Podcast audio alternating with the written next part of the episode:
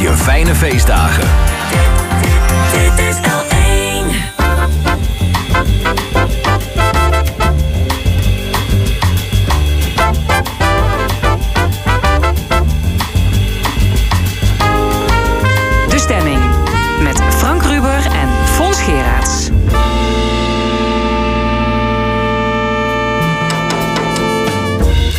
Welkom bij de stemming, de laatste van dit jaar. En dat is een traditie om terug te blikken op het jaar dat achter ons ligt.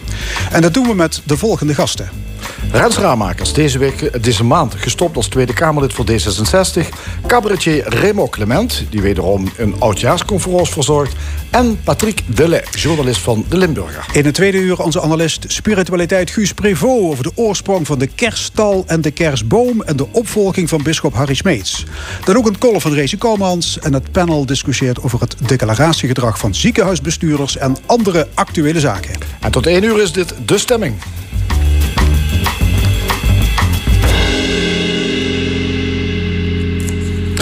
Ja, het is de laatste uitzending van de stemming van dit jaar. Eh, voor ons dus een goede reden om terug te blikken op het afgelopen jaar. En dat doen we met drie gasten. Eh, aan tafel hier zitten Rens Raamakers. Hij nam dus afscheid als Tweede Kamerlid voor D66. Patrick Delay, nog even journalist bij de Limburger. En Remo Clement. En komende week dan heeft hij zijn oudjaars, oudjaarsconferences... in het Parkstad Limburg Theater in Heerlen. Heren, welkom. Uh, ja, laat ik de vraag meteen op tafel gooien. Wat was dat voor een jaar 2023? Laat ik beginnen met de journalist in het gezelschap, Patrick Delay. Ja, uh, ik denk geen vrolijk jaar. Hè. Uh, heel veel oorlog. Oekraïne dat nog steeds doorgaat. de Gazastrook natuurlijk, Israël. dat zijn beelden die toch maar op het netvlies blijven. En die je elke dag weer opnieuw ziet. Verwoesting, om menselijk leed. dus dat is wat mij, bij mij toch wel overheerst. Remo Clement, cabaretier. Uh, wat is jou bijgebleven qua gebeurtenissen in de wereld of persoonlijk? Dus terecht, dit zijn natuurlijk de grote gebeurtenissen in de wereld... die tot ernstig verdriet uh, stemmen. Maar als ik maar even in mijn hele kleine wereldje blijf... dan, dan mis ik Wim de Bie en Paul van Vliet. Grootheden uh, in, het, in het cynisme en in het cabaret. En dan denk je toch eigenlijk dat met het verdwijnen van die grootheden... ook we met z'n allen een beetje humor aan het kwijtraken zijn... en aan het kwijtraken zijn dat de omkering toch zo noodzakelijk is... om dit te kunnen overleven. Gens Rijmakers, welk nieuws veraf of dichtbij ja, had op jou uh, impact? Ik denk dat we zeker niet uh, onvermeld moeten laten... de verschrikkelijke aardbevingen die we gezien hebben... natuurlijk in Turkije en uh, later in Marokko. Um, dat zijn natuurlijk verschrikkelijke beelden die je dan ziet. En natuurlijk ook al wat al genoemd is... de oorlogen die, die er zijn in de wereld. Dat is verschrikkelijk. Um, ik denk dat er ook al positieve dingen waren in dit jaar. Ja, ik wou net zeggen, dit soort jaaroverzichten zijn altijd een opeenstapeling van ellende. Ja, is dat dan... logisch? Of, of zijn journalisten te veel gefocust op slecht ja, nieuws? dat was ook wel positief nieuws natuurlijk. Er was een hele trend dat mensen bijvoorbeeld meer naar de bioscoop gingen. Je had uh, Barbie en Oppenheimer, dat was een hele trend in de zomer. Um, dus dat is dan wel een leuk iets wat 2023 typeert, uh, zat ik me van tevoren te bedenken. Dus er zijn niet alleen maar nare dingen. Ja. Maar goed, jullie noemden geloof ik alle twee, alle drie... die oorlog tussen Israël en Hamas. Het begon natuurlijk met die verschrikkelijke Hamas-aanval... Op die, op die 7 oktober, 1200 doden. Wat vinden jullie van de repercussies van de regering Netanyahu? We hoorden er net weer over in het, in het nieuws. Ja, het is een heel moeilijk, moeilijk om, daar, om daar iets over te zeggen. Kijk, het is ook allemaal heel extreem. Hè? En de vraag is, uh, is het wel gerechtvaardigd om... Uh, die represailles om, om zo uh, een volk bijna hè, uh, te vernietigen. Dat is natuurlijk een, uh, ja, daar kun je over blijven discussiëren. Ik vind het heel lastig om daar een oordeel over te vellen, eerlijk gezegd. Maar is een oplossing verder weg dan ooit? Nou, dat weet ik niet. Het is natuurlijk een conflict wat al decennia lang loopt. En waar ik me ook heel erg zorgen over baar... Uh, is dat ook in Nederland de polarisatie als het gaat om dit dossier heel erg toeneemt. Uh, je ziet ook mensen in de grote steden uh, protesteren. Um, en het lijkt inderdaad wel alsof die verbinding tussen die twee kampen... alsof die verder weg is dan ooit. Maar tegelijkertijd zit dan misschien ook wel die oplossing van... we moeten toch iets om dit conflict op te lossen.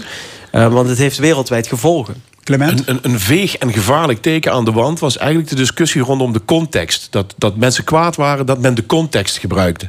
En die context is nu net nodig om het conflict enigszins te kunnen begrijpen. Um, en dan, als je het gaat begrijpen, dan ben ik bang dat dit hebben we zelf gecreëerd en zullen we zelf moeten oplossen. Maar de oplossing is er niet. Omdat de oplossing uh, ergens in de geschiedenis van 2.500 tot 3000 jaar oud is. En om die context niet te willen gebruiken, kunnen we onszelf vergoeilijken in onze eigenlijke verdomming om maar gewoon een kant te kiezen. Want dat is vele malen makkelijker zie nog wel meer onderwerpen in 2023. Ja, dan hebben we nog die andere oorlog in uh, Oekraïne. Al bijna twee jaar aan de gang. Er wordt hevig gevochten aan vier verschillende fronten. Kan Oekraïne dit volhouden?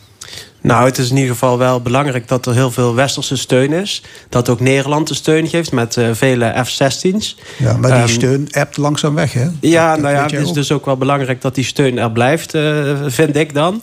En je zag ook dat uh, Zelensky, die natuurlijk dit jaar twee keer ook in Nederland is geweest... dat Zelensky natuurlijk ook heel erg bezig is om ervoor te zorgen dat die steun blijft... Um, maar het zal ook misschien een oorlog zijn die, die vijf jaar, tien jaar nog duurt. Het is, ja, we kunnen niet. Dit uh, is een heel slecht vooruitzicht wat dat ja. betreft. Ja, Zelensky heeft te weinig militaire power en Poetin zal dit opgeven. Dus dit kan nog eens heel lang gaan duren. Dit kan heel erg lang gaan duren. Ja. En ik mag altijd met heel veel plezier de columns van Caroline de Gruyter in het NRC lezen. Die daar toch een klein beetje aan het voorspellen is dat dit de komende 50 misschien wel nog langer gaat duren. Omdat die druk vanuit dat oosten blijft. En dat uh, het midden van Europa daarin ver, uh, verzwakt. Maar de oplossing is denk ik ook eenvoudig. Ik las in de krant dat het Belgisch leger zou het nu aangevallen worden. Zou België nu aangevallen worden. Dat men binnen een week of vier zelf pang moest roepen. Omdat de munitie op was. Als we nou gewoon tegenover elkaar gaan staan en heel hard pang roepen. Nou, diegene die het hardst roept, heeft dan even gewonnen. Punt. Ja. Het was ook het jaar van de doorbraak van chat, GTP en andere vormen van kunstmatige intelligentie, AI. Iemand van jullie die deze ontwikkeling volgt en er iets van vindt? Ja, enigszins natuurlijk. In de journalistiek moet je dat ook volgen. Uh, ik heb een paar kleine experimenten gedaan. En ik denk dat je het zeker uh, een meerwaarde kan zijn. Maar uh, ook een gevaar. Hè, want uh, een paar kleine experimenten leren altijd dat het natuurlijk niet feilloos is. En dat je daar ook als journalist zijnde niet blind op moet varen. Wat, wat merk je? Nou ja, dat uh, als je bepaalde informatie invoert en dan rolt er een stuk uit waar de feiten toch niet altijd kloppen. Dus je moet er wel voorzichtig mee zijn. Maar ik denk dat het zeker, hè, want het gaat gewoon ontwikkelen, bruikbaar kan zijn voor een aantal dingen. Ja, maar goed, AI kan ook leiden tot werkloosheid, tot deepfakes, nepnieuws. Mm. De beheersbaarheid is een probleem, hè? Worden computers ja. straks slimmer ja. dan de mens? Kunnen ze misschien zelfstandige beslissingen nemen? De, de mens moet zorgen dat hij zelf niet dommer wordt. Daar zou ik eens mee beginnen. Uh, de, de, de cabaretvoorstelling, de oudejaarsconferentie dit jaar... heeft de titel meegekregen Cababot. Dus ouderwets AI-cabaret. Of dat mag je ook lezen als ouderwets AI-cabaret. Maar gaat daarom, is, kan ChatGPT leuker zijn dan de cabaretier... en hebben we dan nog een oudejaarsconferentie nodig? Ik heb uh, voor de ongein gewoon even in ChatGPT in, ingetypt... Monty Python-style sketch Roman Empire... En dan rolt een sketch, een, een achtregelige sketch uit... die gewoon echt gewoon fantastisch is. Oh. ChatGPT kan ook gewoon humor maken. Ja.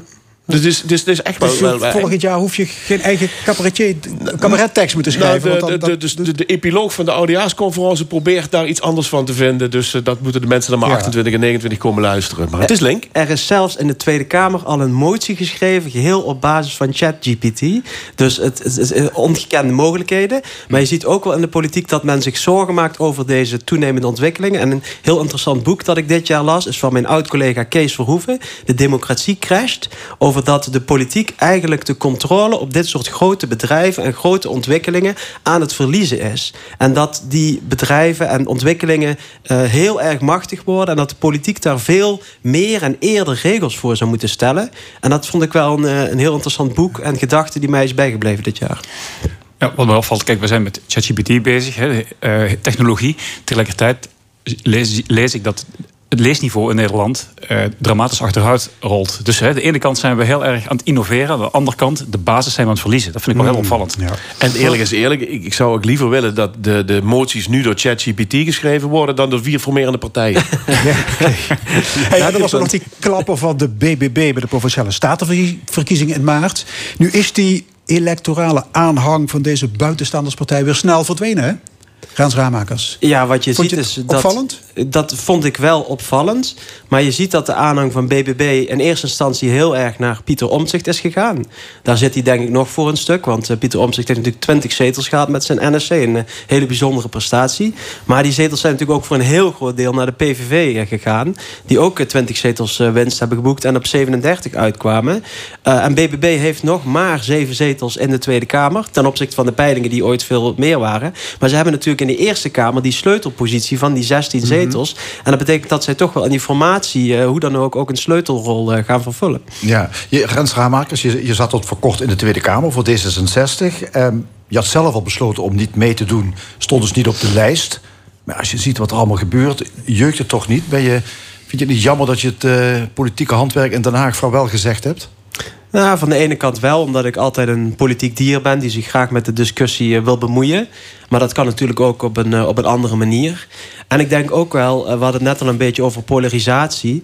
dat je ziet dat deze verkiezingsuitslag ook al heel erg zorgt voor polarisatie tussen, tussen twee kampen. Misschien terecht, misschien onterecht, maar ik, ik constateer dat even. En dat ik het ook wel interessant zou vinden... als we het net hebben over Pieter Omtzigt... zo'n soort zakenkabinet of extra parlementair kabinet. Ja, ik zou dat wel een interessant Ehm, ja, experiment wil ik niet zeggen, maar een interessante oplossing vinden voor ook wel het probleem waar we in Nederland politiek mee zitten. Dus, en wat dat betreft, uh, jeuken de handen wel dat je zegt, ja, ik zou er eigenlijk over mee willen denken. Ja, D66 heeft uh, in november 9 zetels gehaald, 15 verloren. Wat heeft D66 fout gedaan? Nou, ik denk dat uh, in het stikstofdebat wij op een gegeven moment een frame opgeplakt kregen uh, dat wij niet voor, um, voor de boeren waren en niet voor de mensen waren.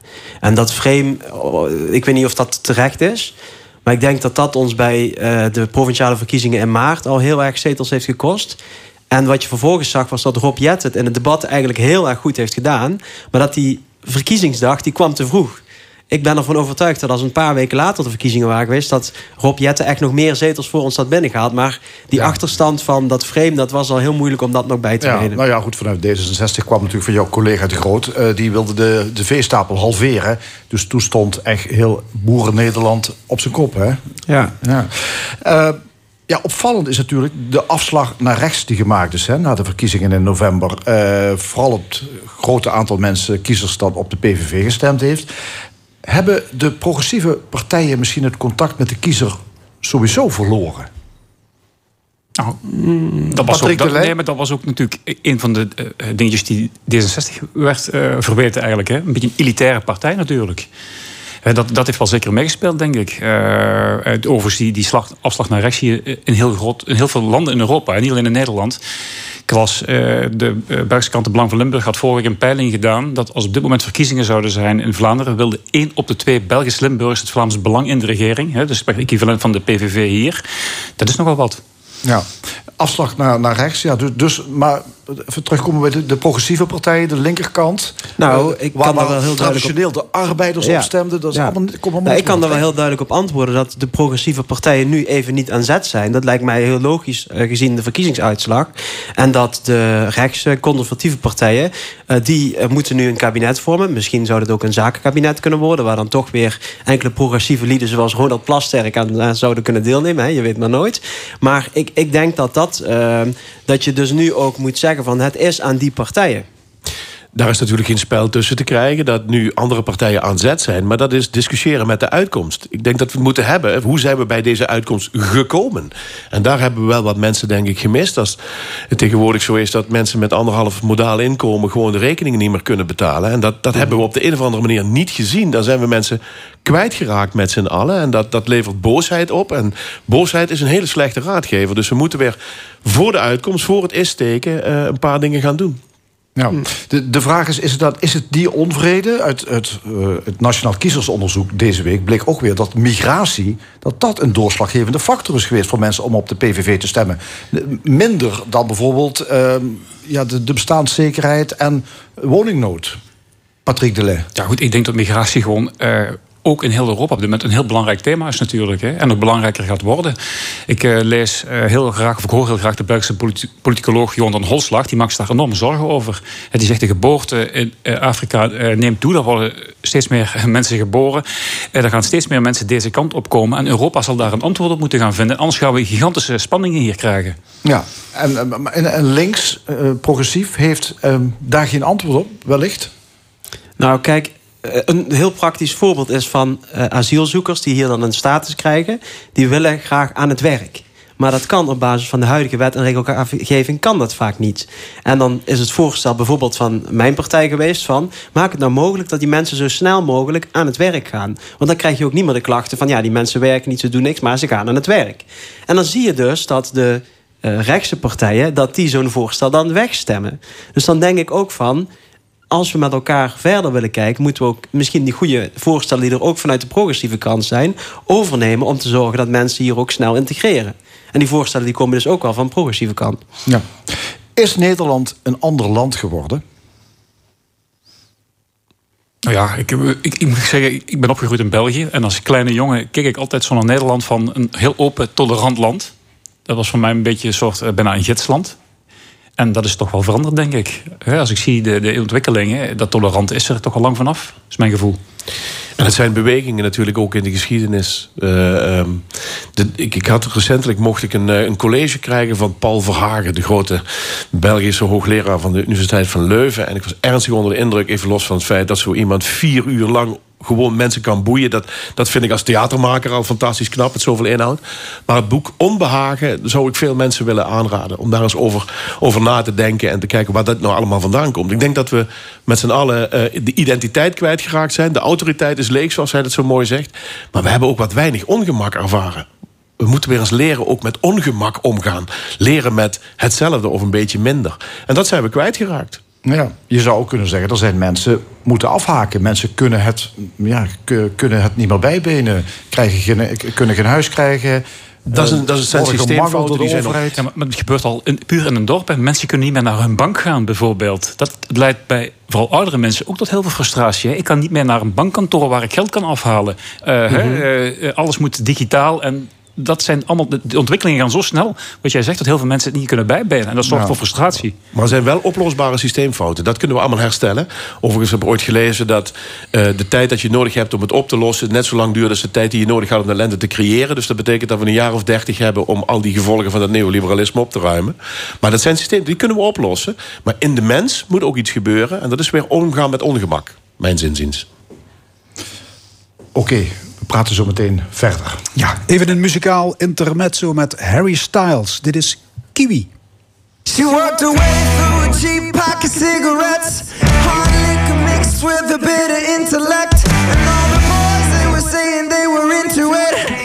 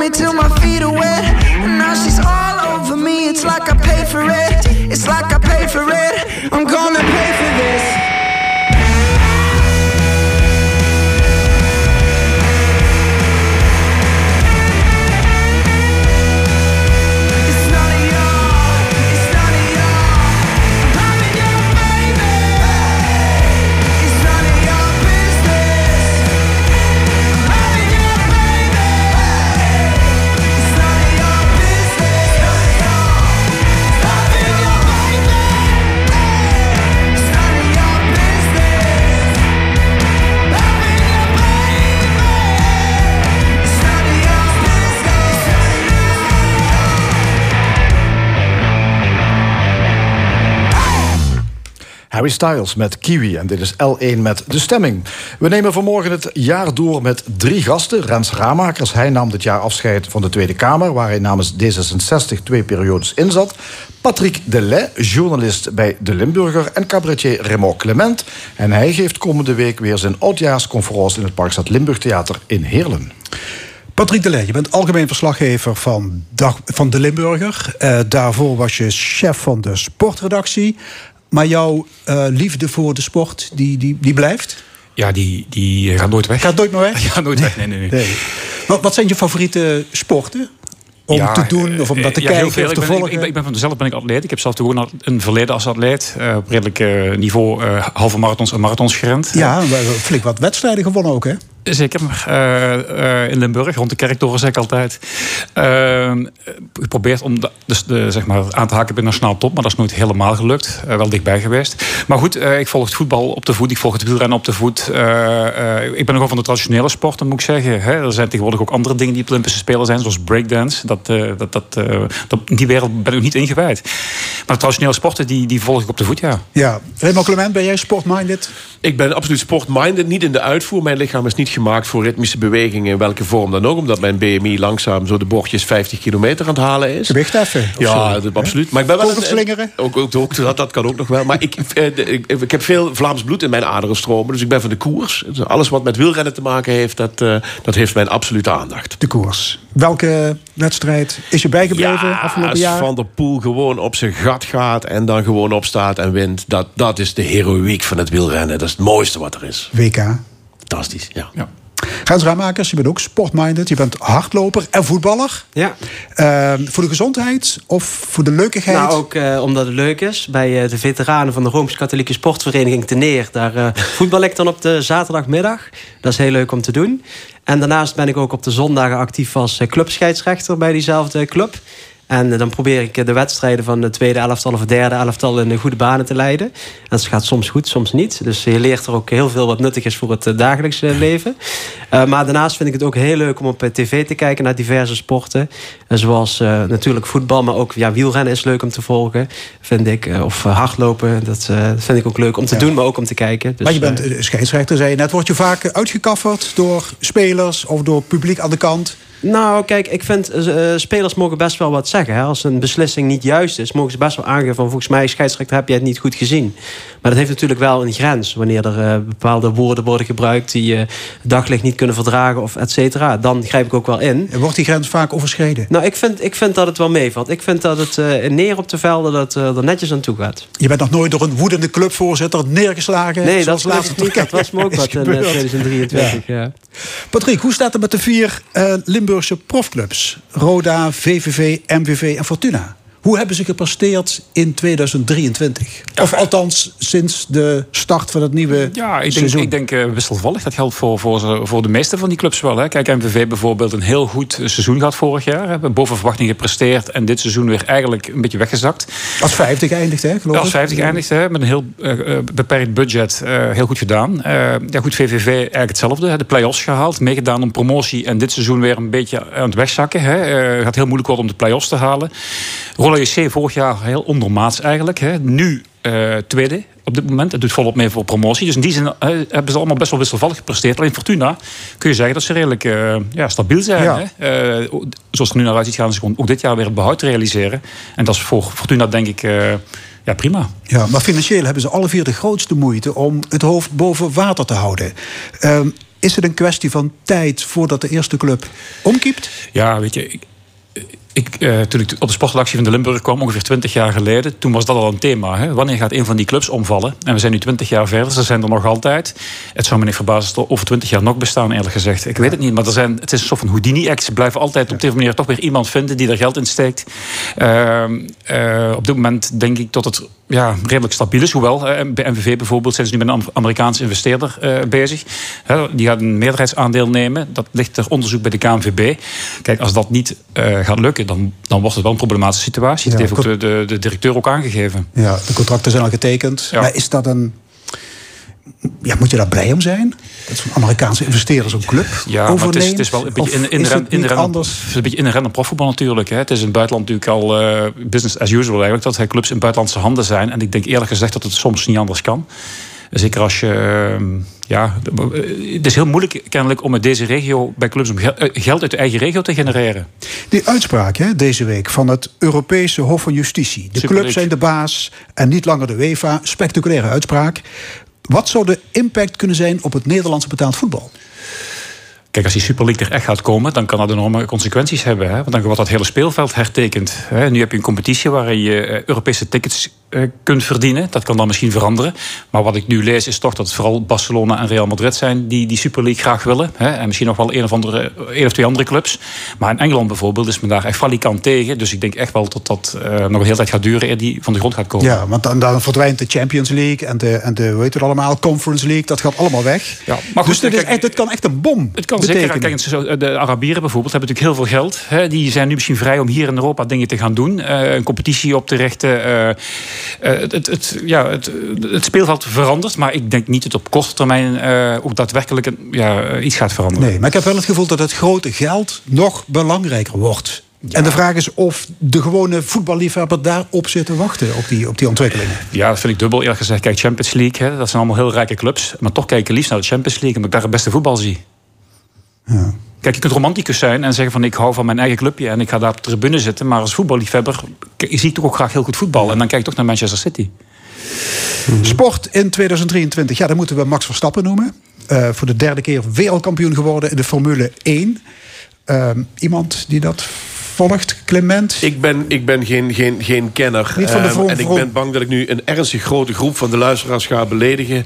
Dat ik toch echt niet begrijp wat er sport is aan in een auto rondjes rijden. Ondanks het feit dat dat zeer talentvol is als je zo knap kunt sturen. Maar ik begrijp daar echt ook in deze tijden van, van al de milieuproblematiek. Ik snap het allemaal niet. En de enorme centen die daaraan opgemaakt worden. Dat geldt voor voetbal eender.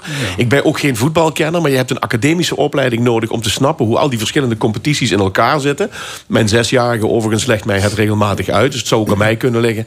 Nee, ik ben, ik ben ook bang dat we op de een of andere manier moeten gaan herverdelen of op een her, herinrichten. En het grappige, nou is niet zo eens zozeer grappig, maar je ziet gewoon dat, dat het, het samenwerken met elkaar doen ook met die, met die Limburgse clubs. Ik, ik begrijp gewoon oprecht niet waarom het niet lukt om een aantal dingen met elkaar te delen. om daar samen beter van te worden. En het grappige is dat je kunt het plakken op de gezondheidszorg, op het onderwijs, op de kinderopvang, op, op de gemeenteproblematiek. Probeer het met elkaar interprofessioneel samen te doen. Schitteren in schaarste, zou ik willen roepen.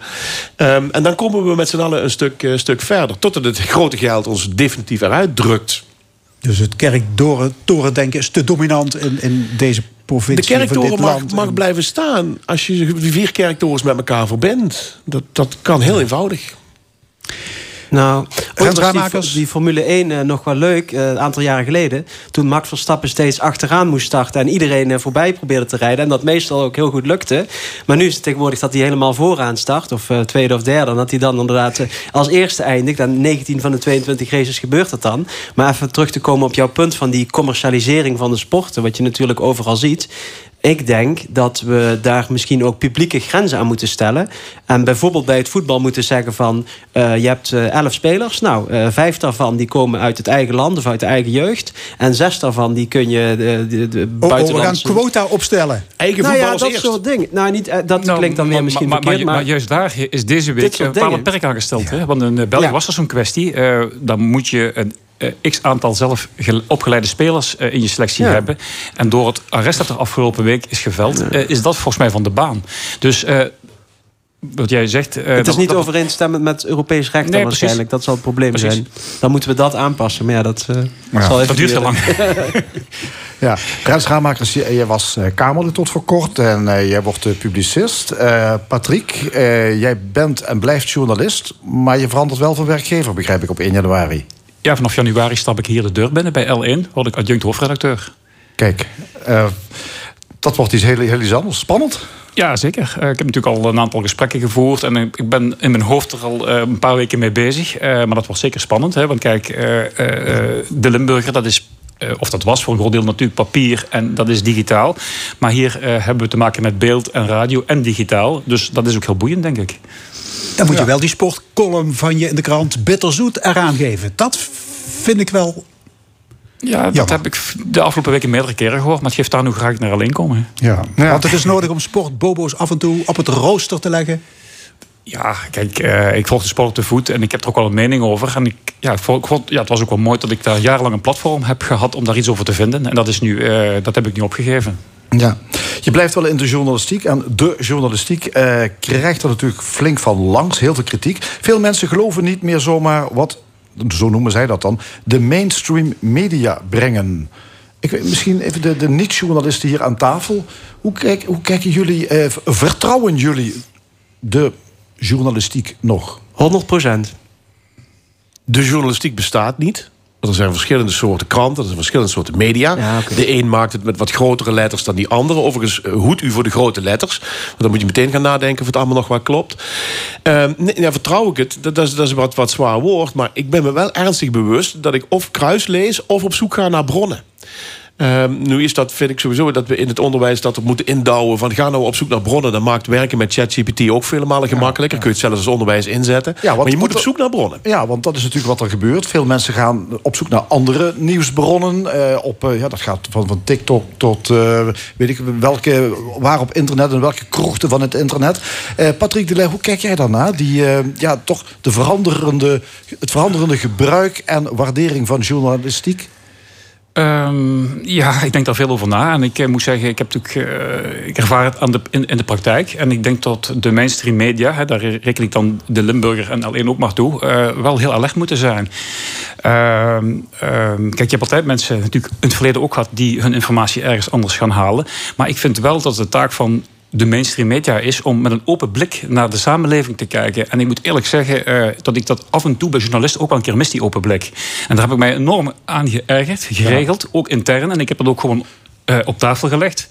Ja, wat, wat, wat doet hij dan op? Dat we misschien te, te, nou, te, te eng Kijk, journalisten hebben, hebben ook een eigen persoonlijke mening over zaken. En ik vind als jij bijvoorbeeld een column schrijft of je schrijft een opinierend stuk, dan kun je best je uh, eigen mening op tafel leggen.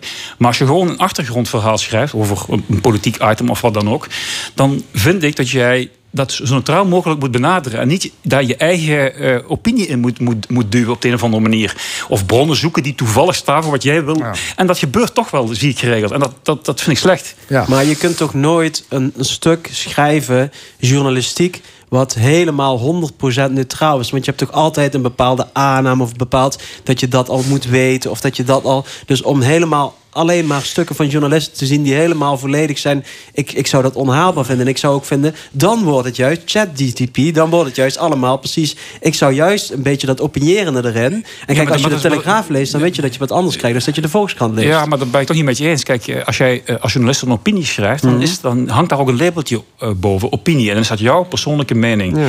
He, maar als jij gewoon een, een, een analyse schrijft uh, of, een, of een achtergrondverhaal over een politieke ontwikkeling, dan is het uh, heel, uh, wat ik het kan heel verleidelijk zijn om net dat zo in te vullen zoals je dat zelf wil. Door mensen te bellen die jouw mening staven. Nou, ik vind dat je daar uh, als plicht hebt om journalisten als een open en neutraal mogelijk naar te mm. kijken. En 100% neutraliteit, ik ben het met je eens, dat zal misschien lastig zijn. Maar ik, ik merk vaak dat dat echt ehm, je kunt op een geleidend vlak terechtkomen. En ik vind dat de mainstream meer daarvoor moeten oppassen. Ja. We hadden het al over AI, hè, eh, kunstmatige intelligentie. Waar je tegenwoordig, ja, je kunt er al cabaretier mee worden, begrijp ik. Voor de journalistiek is dat natuurlijk ook een, ehm, ja, kan dat grote gevolgen hebben. je kan ook artikelen laten schrijven, gewoon door, de, door tegenwoordig door de computer. Gebeurt, het, het gebeurt ook al vaak. Ja, ja. De, de, sport bijvoorbeeld. Kijk, in België, de, de, de nieuws, uh, Nieuwsblad bijvoorbeeld, is een Belgische krant. Die, uh, alle amateurvoetbalverslagen zijn gewoon door de robot gemaakt. Hè, en die eindigen ook allemaal op dezelfde manier. Volgende week speelt uh, ploeg A tegen ploeg B. En dat is allemaal, zo krijg je dan 30 stukjes te lezen. Ja, je zou kunnen zeggen, dat is dus een bedreiging voor de journalistiek. het kan misschien ook anders uitpakken. Dat mensen juist op zoek gaan naar informatie die wel degelijk door mensen gemaakt is om het, vertrouwen te wekken. Hoe, hoe, zien jullie dat? maar daar, daarin zit nu net de bedreiging voor de journalistiek. Op het moment dat, dat uh, de maat, de kwaliteit wordt gemeten aan, het hoeveelheid, aan de hoeveelheid lezers. En dan ga je op zoek naar de negatieve duiding. En we weten vanuit het theater dat als je op de juiste momenten de, de, de clue en de punchline maakt, dan wordt die daarmee leuker. En dat geldt voor journalistiek, denk ik, op dezelfde manier. Je kunt het een kleuring meegeven.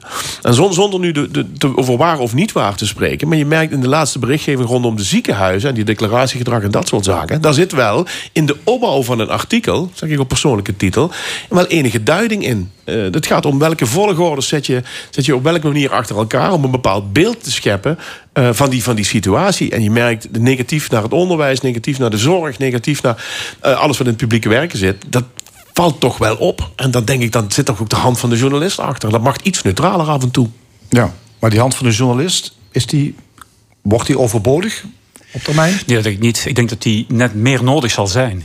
De, de, de samenleving die wordt complexer. En er zijn mensen nodig die die samenleving proberen te duiden. Die proberen dingen goed eh, in perspectief te plaatsen.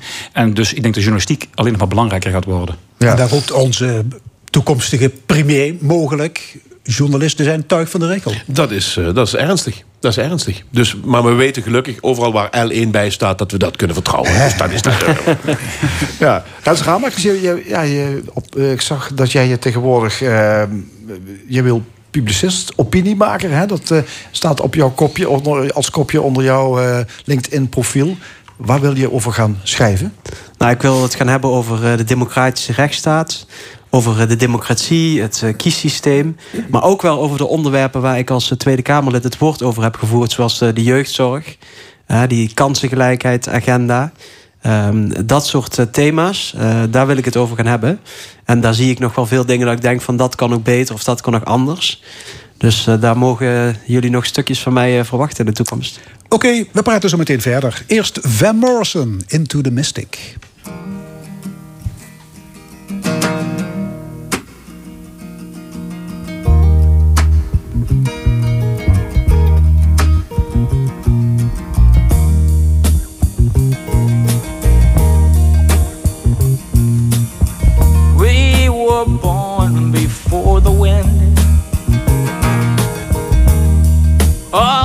Younger than the sun. Yeah, the bonnie boat was one as we sail into the mystic.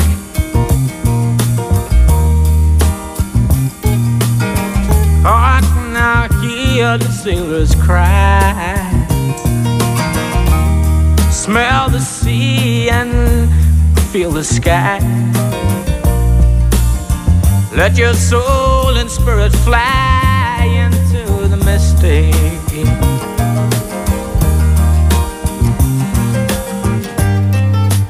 And where that foghorn blows, I will be coming home. Mm.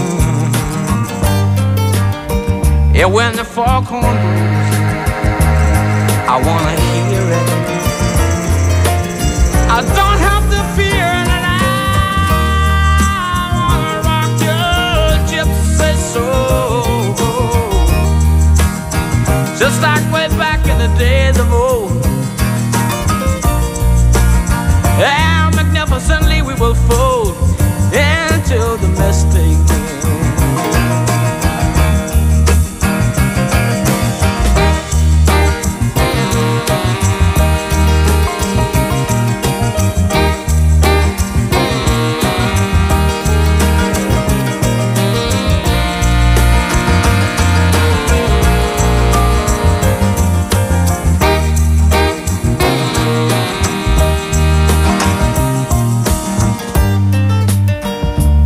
that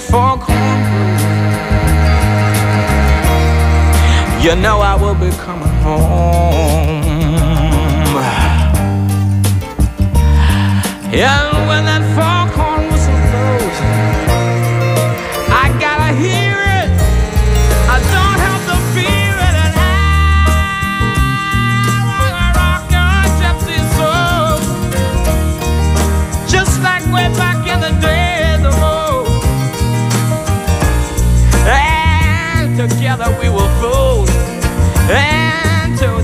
the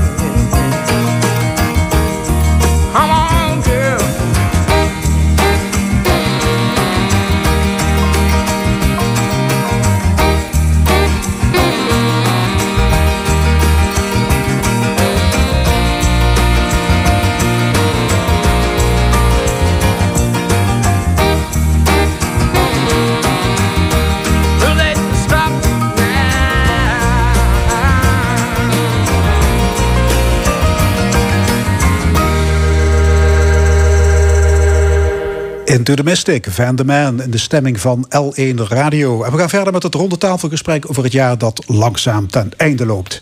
Bij ons ex-D66-Kamerlid Rens Ramakers, journalist Patrick Delay en cabaretier Raymond Clement. En die laatste staat er de startblokken voor zo'n traditionele eindejaarsconferentie. Ja, was het een eh, vruchtbaar jaar, eh, 2023, voor de cabaretier?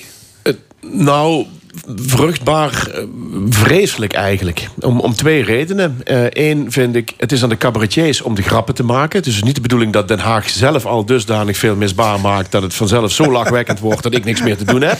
Dus ik ben me ernstig te storen aan dat eh kamervulsel eh, op dit moment. Ehm, en, en, en, en de- deze, deze zit wat, wat dieper. Ehm, we hadden de conferentie redelijk, redelijk eh, eh, stabiel opgebouwd tot 22 november. En ik merkte dat de, de massaliteit van die uitslag... en, en wat dat in, in, Nederland zo deed en in onze omgeving...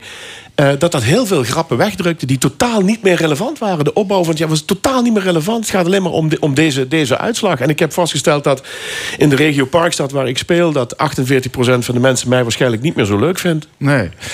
En opeens was, noem maar iets, Wopke Hoekstra. Bobke, die- daar kon je niks meer mee. Bobke was helemaal niet. Er is een hartstikke leuke grap in over dat het puur was om Orbán te pesten. Omdat die Bobke niet zijn strot uitkrijgt. Dat we hem daarom naar Europa gestuurd hebben. Dat was helemaal niet meer relevant. Dat was Nee. helemaal leuk. Weg eruit. Dus Nieuwe eigenlijk, grap. eigenlijk zo'n verkiezingen, wat eigenlijk natuurlijk een geweldig event is, ook als cabaretier, maar alles van, van die tien maanden daarvoor, dan kun je Het, weggooien. het, het drukte, het drukte heel, veel, eh, heel veel weg, ja. Ja. Ehm, ja, we hadden het al over die polarisatie in de samenleving. We, zijn, we staan tegenover elkaar, we zijn vaak kwaad op elkaar. Ehm, humor, ze hebben het kwijtgeraakt. De essentie van, van, van, van die oudejaarsconferentie gaat... wij moeten weer... eh, er wordt een prachtig nummer gebruikt van Neil Innes... How Sweet to be an Idiot. Voor mensen die dat nog kennen, ooit een keer fantastisch... door Freek de Jonge vertaald in Wat fijn om idioot te zijn. Eh, we moeten weer wat, met, met, weer, weer wat gek worden. We terug naar eigenlijk het gevoel van de dorpsgek. Eh, weer, eh, niet alleen het elkaar omzien naar de dorpsgek... maar een beetje weer met elkaar idioot worden. En humor kan daarbij helpen als relativerend mechanisme. Dus niet de meloen van zekers afslikken... maar die meloen in stukjes hakken met humor... en zo weer proberen te relativeren. Dat is een beetje de essentie van de, van de voorstelling. Dat scheelt mensen ook weer. Daar hoeven ze de 28e nergens voor niet te komen. Dan Ja. is dat geregeld. Ja, eh, ja elk, elk eh, zichzelf respecterend koning had vroeger een nar. Hè? Die zijn we misschien... Ja, de- we, zijn, we zijn wel de nar kwijtge- kwijtgeraakt. Nou, sterker nog, ik denk zelfs dat de nar zichzelf tot koning gekroond heeft. Ja. De, de rol van humor hier, eh, Patrick. ehm, het belangrijk, zijn we het kwijtgeraakt? Hoe, hoe kijk jij daarnaar? Ja, ja, of kwijt zijn raak weet ik niet. Er zijn nog altijd goede mensen waar ik mee kan lachen. Eh, en, ehm, maar iets meer relativering, ja. Want kijk, eh, social media, veel mensen hebben het erover... Wat daar allemaal eh, gezegd en geschreven wordt. Eh, iedereen vindt het belangrijk om zijn mening eh, kennelijk eh, te geven over iets. Dat mag wat mij betreft wat minder, ja. Ik moet eerst zeggen, ik heb er zelf ook wel eens mee geworsteld, hoor. Kijk, Fons zegt al, je hebt jarenlang een column geschreven. Dan moet je elke week een mening hebben over iets. En ik heb er wel eens aan gedacht, moet daar wel mee doorgaan? Hè? Want er zijn al zoveel meningen. Wat doet mijn mening er nog toe? Weet je, het mag allemaal wat minder, denk ik. Al die meningen en al die uitspraken. Ja.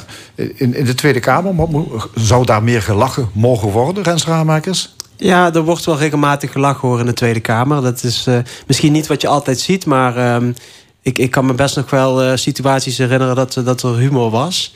Uh, dus uh, ja, maar dat komt niet altijd door op het 8 uur journaal. Nee, dat, uh, dat, nee. dat klopt. Maar er is een groot verschil tussen lachen en humor. Dat zijn twee verschillende dingen. Humor is een mechanisme ter relativering. En of je er wel of niet mee lacht, is iets anders.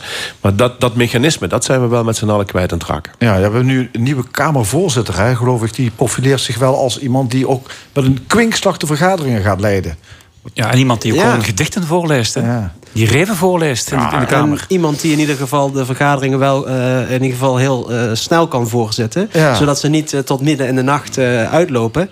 Dat is iets waardevols. Ik denk wel dat Martin Bosma, gelet op zijn profiel en wat hij allemaal heeft gezegd in het verleden, natuurlijk wel een enorme taak heeft om zijn neutraliteit ook te gaan bewijzen. En dat zal nog best wel een moeilijke opgave worden. Maar goed, we moeten, hij is gekozen, dus we moeten hem het voordeel van de twijfel geven. En hij zal het moeten laten zien. Ja, oké. Okay. Jullie hebben alle drie een uh, drukke agenda, denk ik zo. Ja, Rens nu iets minder sinds die Kamerlid af is. Toch mag ik hopen dat jullie uh, ja, tijd vrijmaken voor de mooie dingen des levens en het voeden van de verbeelding. Uh, Rens, je hebt als Kamerlid duizenden pagina's beleidsnota's gelezen. neem je ook wel eens andere lectuur ter hand? Ja, zeker. En ik was een tijdje geleden in de boekhandel. En ik heb in mijn jeugd ieder boek van Carrie Slee gelezen. Uh, werkelijk waar ieder boek. En toen zag ik het boek liggen Zijn Jongen. En het gaat dus over het, het autobiografische verhaal van Carrie Slee zelf. Hoe zij dus door haar uh, vader steeds jongen werd genoemd. En dat heeft natuurlijk een ontzettende, ontwrichtende effect op uh, zo'n uh, meisje. En, uh, maar toch hield ze wel van haar vader, blijkt uit dat boek. En waarom zei die vader jongen? Omdat hij dus al een dochter had. En hij had heel graag ook een, een zoon gehad. Hmm. En nou, er waren allerlei psychische problemen, zowel bij vader als bij moeder, die daar nog eh, bij speelden. Maar, um, en ik zag ook het optreden van Carrie Slee bij Galit en Sophie. En daar zag je gewoon dat eh, Carrie Slee heel erg geraakt was om haar eigen verhaal te vertellen. En toen dacht ik van, goh, zij heeft dus al die jaren uh, die boeken geschreven over allemaal andere kinderen en jongeren. En nu komt ze dan uh, met haar eigen verhaal. Ja, dat is uh, ontzettend indrukwekkend. Ja. Remo Clement, boek dat op jouw indruk heeft gemaakt afgelopen jaar. Ja, als je iets te lachen moet hebben... dan moet je absoluut de Thursday Murder Club uh, lezen van Richard Osmond. Maar de, de, de absolute hoogtepunt was Alcibiades. Um, ik heb met zo ongelooflijk veel plezier en, en bewondering. Dat boek, Hotel Europa, was al indrukwekkend. Maar dit is van een taalrijkheid, dat, dat geeft geen grenzen. Van Leonard Ilja Pfeiffer. Ja, en, en, en een boodschap over democratie en de ontwikkeling van de democratie. Hij zet natuurlijk in, het, in de Peloponnese oorlogen staat. Maar het is zo actueel, zo indrukwekkend boek. Het is meesterwerk, daar uh, verbleekt zelfs meneer Reven bij. Patrick, nog iets aan toe te voegen op boekengebied? Nou nee, ik heb dit jaar eerlijk gezegd bijna geen boeken gelezen. Ik ben een eh, enorme kranten- en tijdschriftenman. Uh, uh, dus dat vooral. Ja, en, en je bent ook liefhebber van film. Absoluut. En bioscoop? Of, ja, bioscoop. heel veel goede films gezien. filmhuis? Of? Filmhuis, geregeld bij Lumière te vinden in Maastricht. Hè. nee, heel veel goede dingen gezien. Anatomie of Val, onlangs nog Past Lives, geweldige film. ook een Belgische film, Het Smelt. en dat boek van Lise Split. Eerste, Spit. Ja, dat was ook... ja, een film waar ik zeg maar, na afloop een paar minuten ben blijven zitten... om het even te laten resoneren, zeg maar. Dus het was een goed jaar voor de, voor de film? Vond ik wel een paar heel goede films gezien van dit jaar, ja. Ja, uh, ik noemde net al dat dit het jaar was van Barbie en Oppenheimer. Allebei goede films. Maar de beste film in mijn ogen is uh, Napoleon. Uh, over het leven van Napoleon Bonaparte. En je ziet al de veldslagen die hij doet. En waar hij uiteindelijk natuurlijk ook eh, zijn Waterloo eh, vindt. Dat zie je allemaal. Maar wat mij bij is gebleven aan de film. En ik denk heel veel mensen ook die de film hebben gezien. Is zijn liefde voor Josephine. Zijn vrouw die hij dus moet verlaten. Omdat zij hem geen kinderen kan geven. Maar hij blijft van die vrouw houden. En hij blijft brieven met haar schrijven. Zelfs als ze dood is dan komt ze nog bij hem op. Dus dat is echt heel mooi en liefdevol om te zien. Okay, Napoleon. Ja, historici zeggen daar klopt geen zak van van die film. Dat maakt niet uit. Maar, het is wel een mooie film. ja, jij iets gezien? Helemaal? Nou, ik had dat uh, niet, niet met Napoleon. Ik, ik heb een enorme grote voorliefde voor, voor uh, Hercule Poirot. En er was een nieuwe Hercule Poirot versie uh, uit. The Haunting in Venice. En die is zo bloody creepy. Ik vond het fantastisch. Dus, maar Napoleon is inderdaad ernstig historische misvatting. Ja. ja. Meneer Op de Beek die wordt nu heel boos in België, denk ik. Hey, andere kunstzinnige dingen. Een, een expositie die indruk maakte. Een theatervoorstelling die beklijfde. We moeten hier zeker noemen het optreden van uh, Emma Kok met André Rieu op het Vrijthof hier in Maastricht. Was je erbij? Nee, maar zij heeft wel bij het afscheid van de Tweede Kamer... heeft zij dus, uh, Emma Kok, voor ons twee liedjes gezongen. Uh, dus dan kon ik het toch even goed maken dat ik niet op het Vrijthof erbij was. Want ik was wel uitgenodigd, maar ik kon niet. Maar dat ik toen toch van Emma Kok nog een privé optreden... met de andere Kamerleden heb gekregen. En zij heeft een geweldige stem en ja, ook ondanks haar ziekte, dat ze maar twee uur per dag uh, normaal kan functioneren. En dat ze toch zo geweldig kan zingen, dat vond ik echt uh, weergaloos. Heeft iemand op uh, muziekgebied ontdekkingen gedaan? Heeft iemand het ja. album van het jaar? Nou ja, muziek. Ik ga veel naar concerten ik ben, heb sinds vorig jaar Pukkelpop ontdekt. Dat festival bestaat natuurlijk al jarenlang. Maar ik, ik wil zeggen, dat bestaat wel enige tijd. Ja, maar ik ga altijd naar, naar, uh, zeg maar naar uh, concerten, maar nooit naar festivals. Omdat ik gewoon de grote massa, uh, ja, daar voel ik me nooit zo prettig bij. Maar vorig jaar ben ik met zondag voor het eerst naartoe gegaan. En ik wil eigenlijk de komende jaren alleen maar blijven gaan. Ik heb zoveel ontdekkingen gedaan. Dit jaar stond ik daar tussen Bicep, hè, een elektro-gezelschap uit, ik dacht Engeland stond op de eerste rij tussen allemaal twintigjarigen nog te dansen. Dat vond ik echt wel mooi. Uh, en uh, het is gewoon heel eclectisch. Je ziet daar gewoon uh, heel veel stijlen. acht, negen podia fantastisch georganiseerd, moet ik zeggen. Dus uh, ik heb daar mijn hart een beetje aan verloren. Ja, dus je gaat naar concerten ook, Spotify, of koop je albums, of uh, vinyl, of cd's? Of... Nee, mijn zon die zit heel erg in het vinyl, want die, eh, die draait zelf ook. Die heeft de laatst nog, ik weet niet hoeveel dingen laten komen uit de jaren negentig en zo. Maar nee, ik zelf ga veel naar concerten ook. Warhouse, Belgische band, dit jaar drie keer gezien. Balthazar, dat soort dingen. ja, daar word, daar word ik blij van.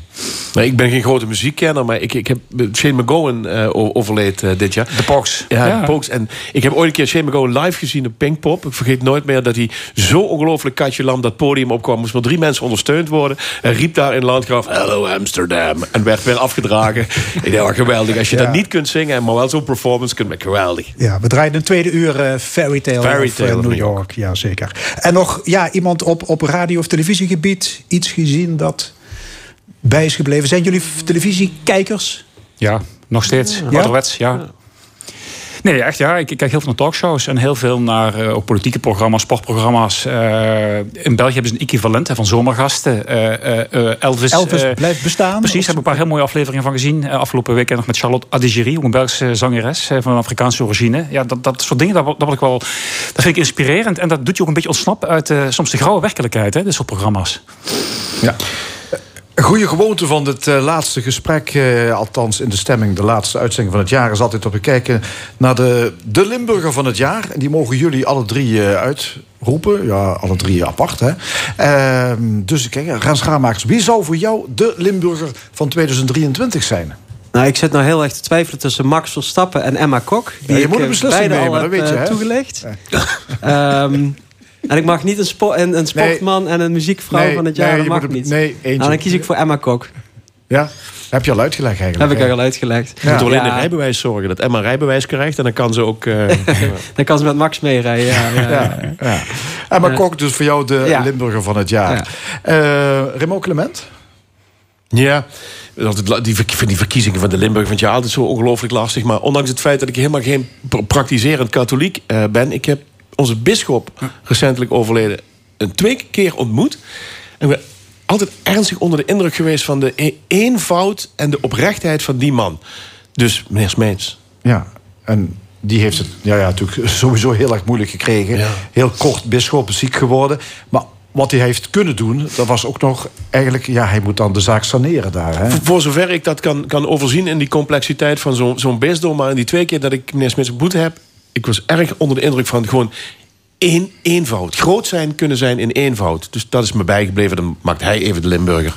Zij nu even de Limburger van het jaar. Harry Smeets. En hij wordt straks in ons tweede uur nog even herdacht... door onze analist spiritualiteit Guus Privot. Ja, daar gaan we, nog, uh, naar, uh, gaan we het nog over hebben. Uh, Patrick Delay, um, ja, je bent Belgisch Limburger. Ik weet niet, ga kies nou, je nee. Nederlands of een Belgisch nou, Limburger? Ja, ik, ik woon hier al 30 jaar, dus ik, nee, ik, ik, heb een Nederlands Limburg. Maar ik dat Verstappen, uh, Emma Kok stond ook op mijn lijstje. En, en ook Harry Smeets, de bisschop.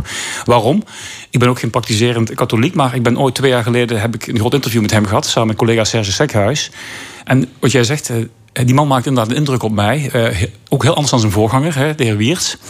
Uh, hij heeft me toen ook, hij, heeft een, enorme liefhebber van engelen. Hij spaarde engelen. En hij heeft mij toen een engel meegegeven, een klein beeldje. Dat heb ik thuis staan. En ik kijk daar geregeld naar. En nu hij is komen te overlijden, heeft dat voor mij toch een aparte betekenis gekregen. Dat dat beeldje er nog staat op een of andere manier. Dus ik, ik, voel wel met jou mee. Ook omdat die man voor mij ook een beetje staat voor het goede in de samenleving. een man van eenvoud. Uh, en Weet je, we worden overspoeld door slecht nieuws. Maar ik zie ook nog geregeld heel veel goede dingen, maar die zijn heel klein. Die, die, die komen niet in de openbaarheid, maar mensen die gewoon iets goeds doen voor een ander. En wat mij betreft symboliseert eh, de bisschop, de overleden bisschop, dat ook. Dus misschien is hij wel uh, de Limburger. Kijk, en ja, je had ook Geert Wilders kunnen zeggen. Hè? Want kijk, ik bedoel, wat hij heeft gedaan, de verkiezingen winnen, in alle neutraliteit, is natuurlijk maar goed. Onze tijd is op. Het had gekund, maar je hebt voor Harry Smeets uh, gekozen. ja. Dus uh, nou, die noteren we als de Limburgers van het jaar 2023. Hartelijk dank, ex-D66-Kamerlid Rens Ramakers... journalist Patrick de Leer van de Limburger... over een week van L1 en cabaretier Rijmo Clement. Straks Guus Prevot, zoals gezegd, onze analist spiritualiteit... over de oorsprong van de kerststal en de kerstbomen... over onze, over onze overleden bisschop. Een discussiepanel, de column en nog veel meer. Blijf luisteren naar het allerlaatste uur van de stemming van dit jaar. Tot zometeen. L1 wenst je fijne feestdagen.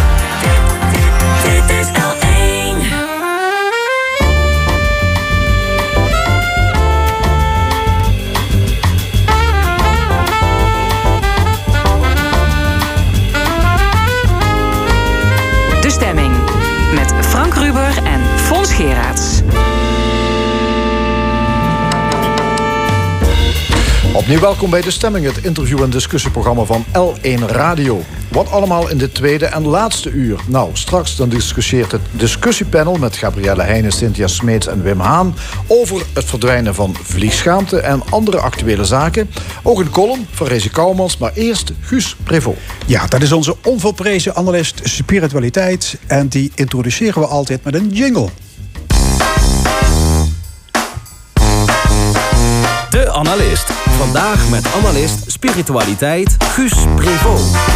Guus, welkom. Dankjewel. Ik heb zo het vermoeden dat je het vandaag wil hebben over kerstmis. Ja, als analist spiritualiteit kom je op de vooravond van kerstmis daar niet onderuit. Ja. Dus eh, dat heb Je ik eh, maar gedaan. Niet lang hoeven te zoeken naar een, naar een onderwerp. Ehm, ja, het verhaal rond de geboorte van Jezus kennen we. Eh, wat is de oorsprong van dat kerstverhaal? Ja, het verhaal zoals wij dat kennen met de kerststal. De, de, de, engelen, de drie koningen, Jezus en het kribje, Maria en Jozef. is eigenlijk een combinatie van eh, twee evangelieverhalen. Matthäus en Lucas. De andere evangelisten, Marcus en Johannes, hebben geen kerstverhaal.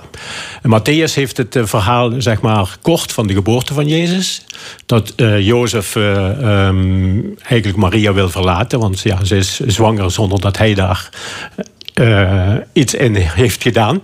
En dan krijgt hij bezoek van een engel dat hij dat niet moest doen, moet doen. Eh, dan krijg je de geboorte. En het belangrijkste van het uh, Matthäus-evangelie is dat dan de magiërs uit het oosten komen op bezoek. Met drie geschenken: goud, wierook en mirre. Wij zeggen meestal dat het de drie koningen zijn, maar in de tekst staat magiërs. En dan volgt het verhaal van eh, de kindermoord. Omdat de koning Herodes eh, bang is dat in die Jezus iemand is geboren die hem van de troon zal stoten. Eigenlijk een heel triest verhaal natuurlijk. Ja. Het tweede verhaal dat we kennen, dat is dat van Lucas. En die heeft een meer uitgebreid eh, verhaal over eh, kerstmis. Eh, dat bestaat uit vijf delen. Eh, deel 1 en 4 gaan over de geboorte van Johannes, Johannes de Doper, de voorloper van Jezus.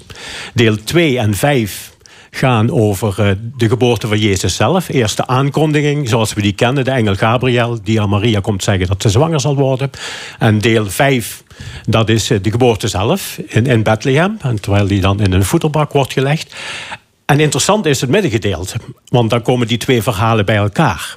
En dat is dat de zwangere Maria op bezoek gaat bij haar nicht Elisabeth, eh, de aanstaande moeder van Johannes de Doper. En- Ja, Johannes de Doper die is een half jaar voor Jezus geboren. En de moeder van Johannes de Doper was Elisabeth. En dat was een nicht van Maria, de moeder van Jezus. Zo, zo zit het. Zo zit het in elkaar. En die ontmoeten elkaar dan in de zesde maand van de, zwangerschap eh, van Elisabeth. Direct na de conceptie zeg maar, van, uh, van Maria. En dan uh, zegt Maria een heel belangrijke tekst voor het hele kerstverhaal. Die moet ik even voorlezen om die goed te kunnen verwoorden. Heersers stoot hij van de troon. En wie gering is, geeft hij aanzien. Wie honger heeft, overlaat hij met gaven, maar rijken stuurt hij weg met lege handen. En dat is volgens Lucas, dat staat in de kern van zijn verhaal. En dat is een Joodse literaire opzet. Dat de kern van zo'n verhaal. Wij bouwen een verhaal meestal op naar een conclusie in het laatste deel. Maar in de Joodse literatuur is net het midden van zo'n verhaal het belangrijkste. En dit staat dus in het midden van dat verhaal. Ja. En kun je zeggen dat het Lucas niet specifiek ging om de feiten, maar om het, om het verhaal? Eigenlijk de betekenis van de geboorte van, van Jezus. En wat, en, wat, is dan die betekenis?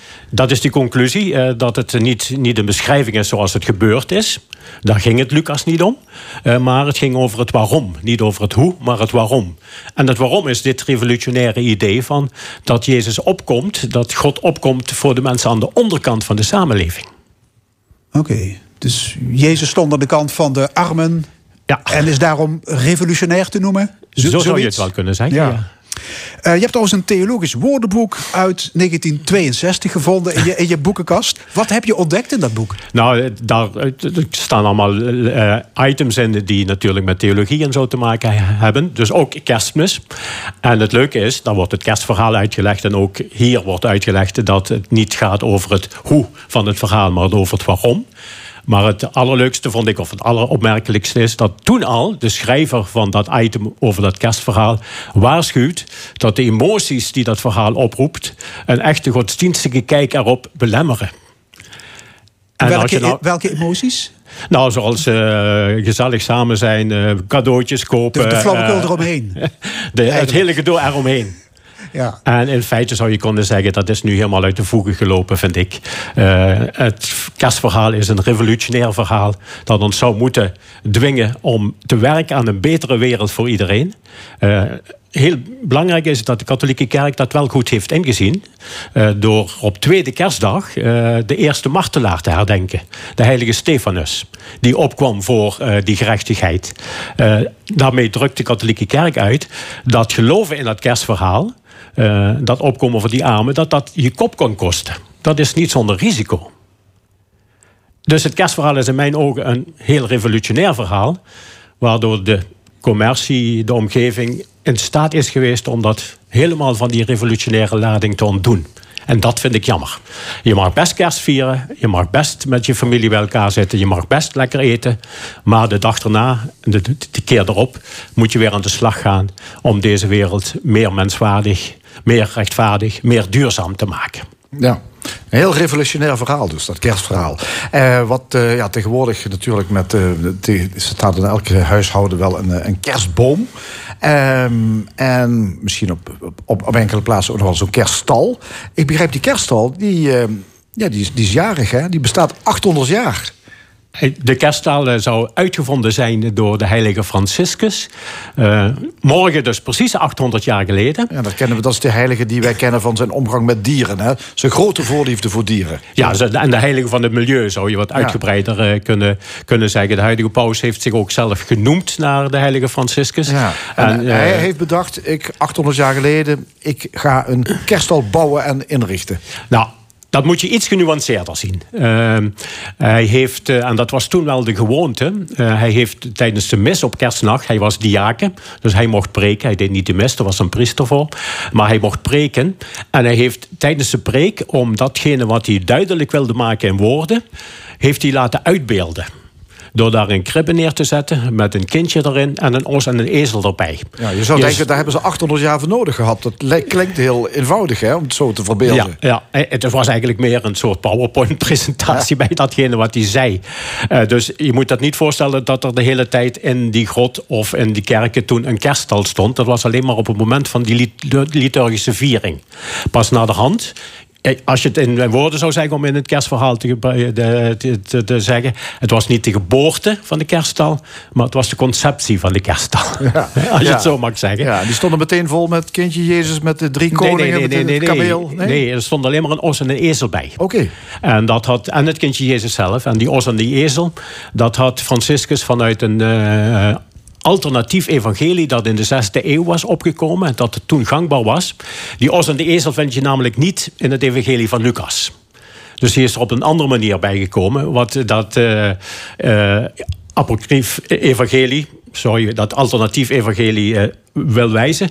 Wil wijzen naar een oud-testamentische profeet, Jezaja, namelijk Jezaja 1.3. En daar staat een rund uh, herkent zijn meester. Een ezel weet wie uh, zijn voederbak vult. Maar Israël mist elk inzicht. Mijn volk leeft in onwetendheid. Dus die os en die ezel simuleren het feit dat de Joden Jezus nooit als Messias erkend hebben. Eigenlijk is het een sneer, naar de Joden. Ja. Is het een sneer naar de Joden toe? Ja, ja, ja. En we, hebben ook nog een kerstboom eh, tegenwoordig. Staat overal in elk huishouden een kerstboom. Wie heeft die uitgevonden? Nou, dat is een beetje onbekend. sommige mensen zeggen dat die door Luther is uitgevonden. Als een soort alternatief voor de kerststal. Uh, maar dat schijnt niet zo te zijn. Uh, het uh, gebruik is vrij onbekend waar het vandaan komt. Alleen dat het uit de Duitse regionen komt. Duitse, in Duitsland wat meer naar Oost-Europa toe. En het was een gebruik om op 24 december een spar of een den neer te zetten. En die dan te behangen met appels. En waarom appels? 24 december is in de katholieke kerk ook de gedenkdag van Adam en Eva. En als je het verhaal van Adam en Eva weet, dan weet je het van de appel en de zondeval. Dus daarom werden er in die spar of den appels gehangen. En dat, dat heeft zich ontwikkeld tot de kerstballen van deze tijd. Uh, de, kerstbal heeft, of de kerstboom heeft meer uh, verspreiding gekregen doordat koningin Victoria uit Engeland. Die had een uh, Duitse moeder, een Duitse, school, Duitse oma en een Duitse man. En die kende dus dat verschijnsel van kerstboom daarvoor. En die heeft dat in Engeland geïntroduceerd. En zo is dat eigenlijk wereldwijd bekend geworden. Oké, dus de kerstbal verwijst naar de appel. Ja. Kerstmis en oudjaar Guus, dat is de tijd van uh, reflectie en terugblikken. Dat doen we vandaag ook in de stemming. Wat is op het terrein van uh, geloof en zingeving gebeurd in 2023? Ik vind uh, twee momenten die er wel uitspringen. Ehm, het eerste moment is pas kort geleden gebeurd. Dat we allemaal wat verrast zijn door uh, Paus uh, Franciscus. Dat nu ook uh, relaties van homo's en lesbiennes ingezegend mogen worden door de katholieke kerk. Het mag weliswaar niet op een huwelijk lijken. Er zitten allerlei strenge regels omheen. Maar ja, het is een eerste begin, denk ik, eh, voor een, voor een lange weg die nog te gaan is. Eh, er zitten wat mitsen en maren bij, want uh, iedere priester mag zelf beslissen of die zo'n relatie gaat inzegenen. Dus ja, als jouw pastoor het niet wil, ja, dan moet je naar een andere parochie toe of zo. Maar ik vind het in ieder geval wel een belangrijke ja, je vindt het een belangrijke stap. Ik vind het een belangrijke uh, is dit qua moraal, theologie en uh, een aardverschuiving van de Rooms-Katholieke Kerk? Nee, ik denk het niet. Het is een allereerste klein beginnetje. Oké. Andere... Uh, men, men, heeft nog niet gezegd dat homorelaties niet zondig zijn. Hè? Dat zou wel een revolutionair zijn. Dat is nog steeds binnen de katholieke kerk zo. Ja, en je had nog een tweede... Ja, heel belangrijk voor mij was uh, het verschijnen van uh, de aansporing... in het Latijn exhortatie, Laudate Deum... van Paus Franciscus... waarin hij nog eens een keer oproept om echt dringend werk te maken van die klimaatverandering. Of althans, om die klimaatverandering tegen te gaan. Uh, en uh, ja, hij zou eigenlijk uh, naar de COP-conferentie in, in de dingen zijn in, in Dubai. in Dubai zijn gegaan. Grote... Daar is hij helaas niet naartoe kunnen gaan omdat hij toen ziek was. daardoor is dat wat op, ondergesneeuwd. Maar hij doet daar uitdrukkelijk een oproep aan mensen om zich te bezinnen op de levenswijze. En wat ik opmerkelijk vind erbij, hij breekt een lans voor allerlei groeperingen die zich inzetten voor, uh, tegen die klimaatverandering. Zoals in Nederland bijvoorbeeld Extension Rebellion. Okay. Hij neemt het echt op voor die groeperingen van blijf doorgaan, want het is hard nodig. Dus het is bepaald geen uh, klimaatontkenner, die paus Zeker niet, zeker niet. Zeker niet. Ja, we, moeten, we hadden al gezegd, we gaan natuurlijk ook kijken nog even naar uh, Harry Smeets, de bisschop die uh, overleden is. Hij was uh, sinds 2018 bisschop van Roermond. Hele korte periode, dus nog maar. En ja, er is, in die periode is hij ook nog ziek geworden. Dus het is niet iemand die echt de tijd heeft gekregen om zijn ambt heel veel inhoud te geven. Ja, dat is wel zo. En daarbij heeft hij er ook nog uitdrukkelijk voor gekozen om het eerste jaar dat hij bisschop was alleen maar te luisteren. En dat vind ik overigens wel een hele goede zaak. Uh, en ik hoop dat zijn opvolger, wie het ook mogen worden, dat Stramien ook gaat doen. Dat hij eerst een jaar de tijd neemt om uh, goed te luisteren, goed na te denken, vooraleer hij uh, beslissingen neemt. En misschien had hij nog wel langer willen luisteren. zijn eerste beslissing was helaas dat hij een kwart van het personeelsbestand van het bisdom moest ontslaan. ja, je kunt nog zo invoelend zijn met mensen. Ik denk dat hij daar zeker pijn in het hart van zijn gehad zal hebben als ik zo alle commentaren lees eh, die geschreven zijn en die de bisschop typeren als een mensenmens, als een bewogen mens met medemensen. En ik twijfel daar niet aan, natuurlijk. Uh, ja, dan zal hij dat met pijn in het hart die beslissingen hebben moeten nemen.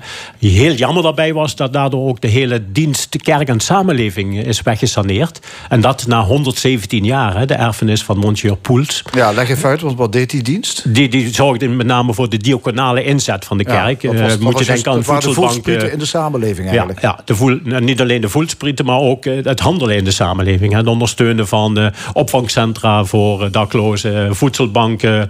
Ja, noem alles maar op waar uh, we bezig zijn om medemensen in nood uh, wat, wat de, de revolutie van Jezus eigenlijk. straks, uh, het kerstverhaal ja. in de praktijk zou je kunnen zeggen. Dus, en dat ja. is wel jammer dat die dienst is opgeheven. Niet alleen omdat die al 117 jaar bestond. Maar een groot gedeelte van die dienst werd ook extern gefinancierd. Dus dat was eigenlijk niet nodig geweest. Ja. er is nog iets anders waarmee hij in elk geval in de openbaarheid trad. En dat was zijn besluit om het aantal parochies drastisch ja. terug te dringen en terug te brengen sorry. Uh, en dus wellicht ook het aantal kerken dat nog in gebruik blijft. Ja, het aantal parochies moest, moet teruggaan, want we zitten volop in dat proces. De katholieke kerk zit volop in dat proces. Moest teruggaan van uh, 300 naar 50. Uh, daar is men nu mee bezig. ja, er gaan steeds minder mensen naar de kerk. En ook de coronaperiode, toen er geen missen in de kerk zelf waren, heeft dat natuurlijk niet bevorderd dat mensen weer terug zijn gekomen. Er zijn ook veel minder priesters. Priesters rennen nu al van hot van om overal uh, de mis te kunnen doen met de begrafenis. En, en komen bijna nergens anders meer aan toe. Uh, dus in die zin uh, is dat ook wel nodig om dat te doen.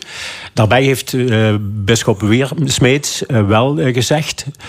en volgens mij is dat ook wel in het beleid. Dat zoveel als mogelijk, in ieder geval in dorpen, waar maar één kerk is, die open moet blijven. Ja, maar ja, het aantal parochies gaat terug van 350 naar 50. Ja, dat is ja. wel aanzienlijk. Ja, dus, ja, zeker. Ja. Wie wordt de nieuwe bischop? Dat is afwachten. Uh, sinds 10 augustus zal men natuurlijk bezig zijn met de procedure voor het kiezen ja, van die nieuwe bisschop. Want Harry Smees was eigenlijk al in feite al geen bisschop meer. Hè? Dus 10 augustus is hij afgetreden. Hè? Dus, ja. Uh, um, ja, de, en de procedure loopt? Wie, ja, die loopt. Wie, wie kiest de nieuwe bisschop? Nou ja, dat, uiteindelijk doet de paus dat. de paus beslist, maar er gaat wel een die, procedure die aan de mensen niet hier. Ja, maar daardoor krijgt hij wel advies. Uh, het kathedraal kapittel, dat zijn negen priesters die kapittelheer zijn, die stellen een profielschets op. Dat zal inmiddels wel gebeurd zijn. En die noemen ook alle drie, alle negen, drie mensen die zij denken dat die profielschets zou kunnen invullen. En daar resulteert dan een lijstje van drie mensen uit. Dat heet de zogenaamde Terna. En dat wordt opgestuurd naar de ambassadeur van, de, van het Vaticaan, de, de pauselijk nuntius in, uh, in Den Haag. Uh, en die mag er zelf nog namen aan toevoegen. En ook de bisschop in Nederland mogen daar namen aan toevoegen. en als die namen, er negen mensen op die lijstjes kunnen staan. Nee, nee ja, zelfs nog veel meer. Ja. Dat weet ik niet meer. Maar in ieder geval de drie van het kapittel... plus de toevoegingen van de nuntius. En uh, ja. ik weet niet of hij er drie mag noemen. Okay. Misschien mag hij er vijf noemen of tien. Dat, dat weet ik dus niet. En dat gaat dus inderdaad naar Rome. En dat zal daar bekeken worden door uh, het, het, ministerie dat erover gaat, de discasterie. En uiteindelijk en de, neemt formeel de paus ja. het besluit. Wie, wie zou dit willen doen, Guus? Want je hebt geen vrolijke boodschap te verkondigen. Je bent ja, echt een, dat, een saneerder. Je moet de boel... Dat zei bischop Smits ook al. Hè? Ja, Toen hij moest aantreden van... ja, uh, ik had het liever niet gedaan. Hè? Zeg ik even met mijn eigen woorden. Ja, wie zou het moeten doen? Ik zou het niet zo 1, 2, 3 weten. Ik, ik heb niet iemand die mijn favoriet zou zijn. Maar ik begrijp wel, in de katholieke kerk is het zo... als je gevraagd wordt voor dat ambt, kun je bijna niet weigeren. Hè? Nee, je kunt niet weigeren. Nee, dus... Je kunt niet weigeren. Dankjewel, Guus Privo. Graag gedaan. Zometeen in de stemming de column van comedienne Rezi Komans... en daarna het discussiepanel. Maar eerst de Pokes. Vorige maand overleed bandleider Shane McGowan. Dit is een van zijn mooiste composities. Fairy Tale of New York.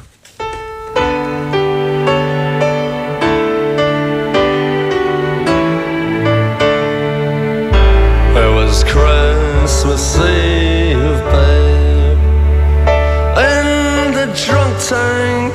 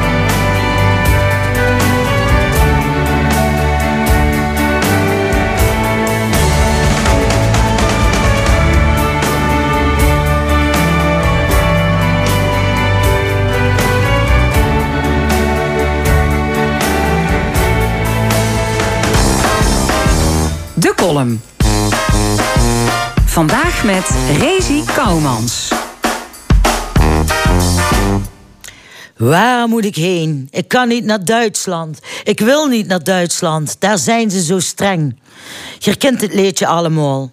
En de laatste tijd zit me dat nog steeds weer in de kop. Het gevoel dat ik weg wil hier. Nu is Duitsland geen optie. En vooral niet nu door een terreurdreiging op het domme eh, Kullen aan de gang is. Maar ben eerlijk. Ben ik nu een van de weinigen die zich afvragen in wat voor land dat verwonen? Als er nu opnieuw verkiezingen zouden komen, dan krijgt de PVV er zeven, krijgt de PVV 47 zetels. 47. Ik snap dat jullie willen dat er gaat veranderd. Dat wil ik ook. Maar dat de gelukszoekers hier de schuld van krijgen. Van alles wat hier is misgegangen. De bezuinigen op de zorg, het woningstekort. Nee, dat komt toch echt alleen door het vorige bestuur. Dat zeggen zelfs de Verenigde Naties, die Nederland weer op de vingers hebben getikt. En soms denk ik dat het IQ van de gemiddelde Nederlander met 20 puntjes is gedaald. Als het al zo wiet is gekomen dat drie ai-kerels met filmpjes vol naakse piemels en appeltjes die uit scheten. Het volk zo kunnen beïnvloeden dat de boa's aangeschoten wild zijn, niet meer veilig over straat kunnen. Dat het legitiem is om er aan te vallen, omdat Dirk ze zegt dat het allemaal mislukkelingen zijn. Hm. En hoe doet de Heinlup? Beroepen ze zich op het feit dat ze gaan niet serieus zijn en dat ze zichzelf niet eens serieus nummen en niet snappen dat er kiekers dat wel doen. Dan overschatten ze hun publiek. Kroegpraat, zeggen ze. Nou, ik heb toevallig een kroeg. Maar zo'n kal accepteer ik niet aan de bar. Doe dings maar wat ze wils, maar doe ze het niet hel op. En tegenwoordig staat het individu op één.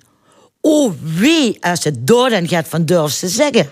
Dan werd ze weggezet als woke linkse rakker die meent dat er het beter werd. Oh, iemand die zich verheven voelt. Iemand van de Remunse grachtengordel, zeg maar.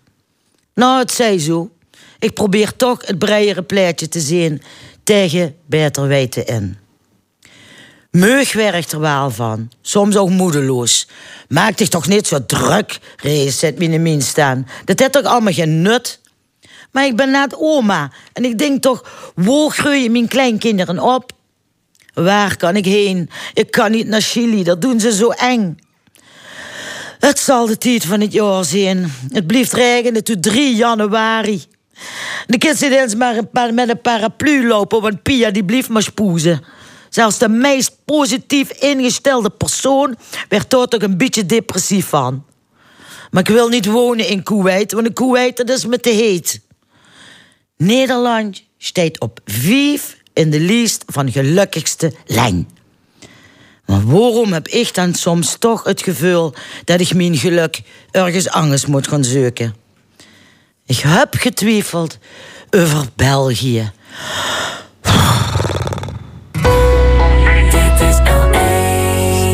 De column van Rezi. We gaan verder de stemming met het discussiepanel. Drie opiniemakers bespreken in het oog springende actualiteiten. Vandaag over onder meer het declaratiegedrag van bepaalde ziekenhuisbestuurders...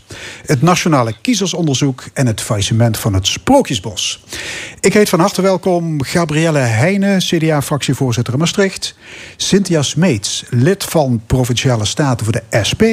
en Wim Haan, headhunter in het hogere segment. Ja, de Limburger onderzocht de onkostendeclaraties van eh, bestuursvoorzitter Helen Mertens en haar collega-bestuurders Geraldine Leuzing en Gabriel Zwart van het eh, Maastricht UMC Plus, dat is het academisch ziekenhuis. Ja, dat blijkt fors gedeclareerd. In 2022 en het eerste halfjaar van 2023 zou voor 156.000 euro aan buitenlandse reizen zijn gemaakt. Is dat uit te leggen, Gabrielle Heijnen? Nee, iedereen spreekt er ook wel schande van. En uh, ik vond ook wel opmerkelijk dat andere zorgbestuurders zeiden dat zij ook vonden dat dit echt bizar hoog was. Dus dat zegt volgens mij wel voldoende. Uh, wat ik altijd bij dit soort dingen vind, hè, er wordt dan die woordvoerder die zei gewoon een zinnetje van ja, het was nodig voor ICT of ja, dat leiderschap-event vond ik al helemaal belachelijk. Dan denk je, je ziekenhuispersoneel moet superveel moeite doen om zijn reiskosten te kunnen uh, um, declareren. Ja, en jij gaat dan voor bijna een ton aan chauffeurkosten uh, declareren. Ja, dan had ik je ook al kunnen vertellen dat dat niet echt goed leiderschap is.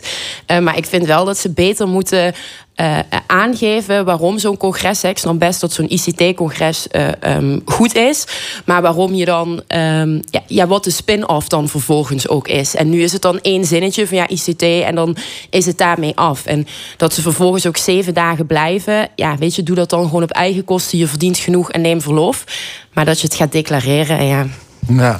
Dit zijn, gewoon, dit zijn gewoon drie jaar salarissen natuurlijk van verpleegkundigen waar we het over hebben. Dus uh, tuurlijk uh, zijn die declaraties mogelijk. Hè, maar in dit aantal, uh, en zeker ook voor de tweede keer dat ze op de vingers worden getikt, vind ik dat ook wel echt belachelijk. En ik denk wat er aan ten grondslag is, is het fundamentele vraagstuk van waar gaat onze zorg nou naartoe? Hè, als je kijkt naar dat dit soort zorgkosten worden gemaakt, ja, dan wil je natuurlijk veel liever aan patiënten geven en ook aan goede kwalitatieve zorg. Dus wat mij betreft mag dat declaratiebeleid echt wel een stukje strenger. Ja. Wim Haan, je bent uh, recruiter in het hogere segment. Uh, hoe, ja, hoe, hoe landt dat bij jou, dit soort declaratiegedrag? Ja, twee dingen. Ik, ik, ik, ik, sla aan op je zin, er is fors gedeclareerd. Ja, ja. De vraag is of er fout gedeclareerd is. Dat vind ik ook een hele wezenlijke Dat is heel iets anders. Dat is zeker wat anders. Er is fors gedeclareerd. Ik, ik ben vooral nieuwsgierig. Ik heb eens even naar de kernwaarden gekeken van, van die organisatie. Want het, het, voordat we de hele zorg gaan pakken en gaan kijken van... wacht eens even, daar kun je een, eh, een verpleegkundige voor aannemen. Twee, drie zelfs. Mm. Um, maar wat, wat, is, wat is er aan de hand met bestuurders van sommige organisaties... en de Raad van Toezicht? En eh, dan heb ik gekeken naar die kernwaarden. Daar dacht ik van, nou, daar kan ik niet zo heel veel in vinden. Ehm, en, het is wel verbindend enzovoort. Maar Raad van Toezicht zou hier een andere rol in kunnen spelen. En ook bij sommige bestuurders.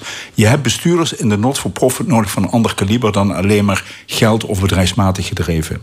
En schijnbaar is dat hier niet het geval. En dat komt nu naar buiten met een aantal van dat soort declaraties. Ja, Waar ik overigens wel van snap dat sommige dingen zwart gelakt zijn. Ja, nou ja, dat snap ik niet helemaal. Nee, maar, maar ja. jij zegt het is, dit is wel echt fors. Dit, ik, ja, dit, is buitensporig. Je, kunt, je, je, als je, je moet het kunnen uitleggen. En uh, als je het goed kunt uitleggen daarna, wat, wat, wat jullie ook aangeven.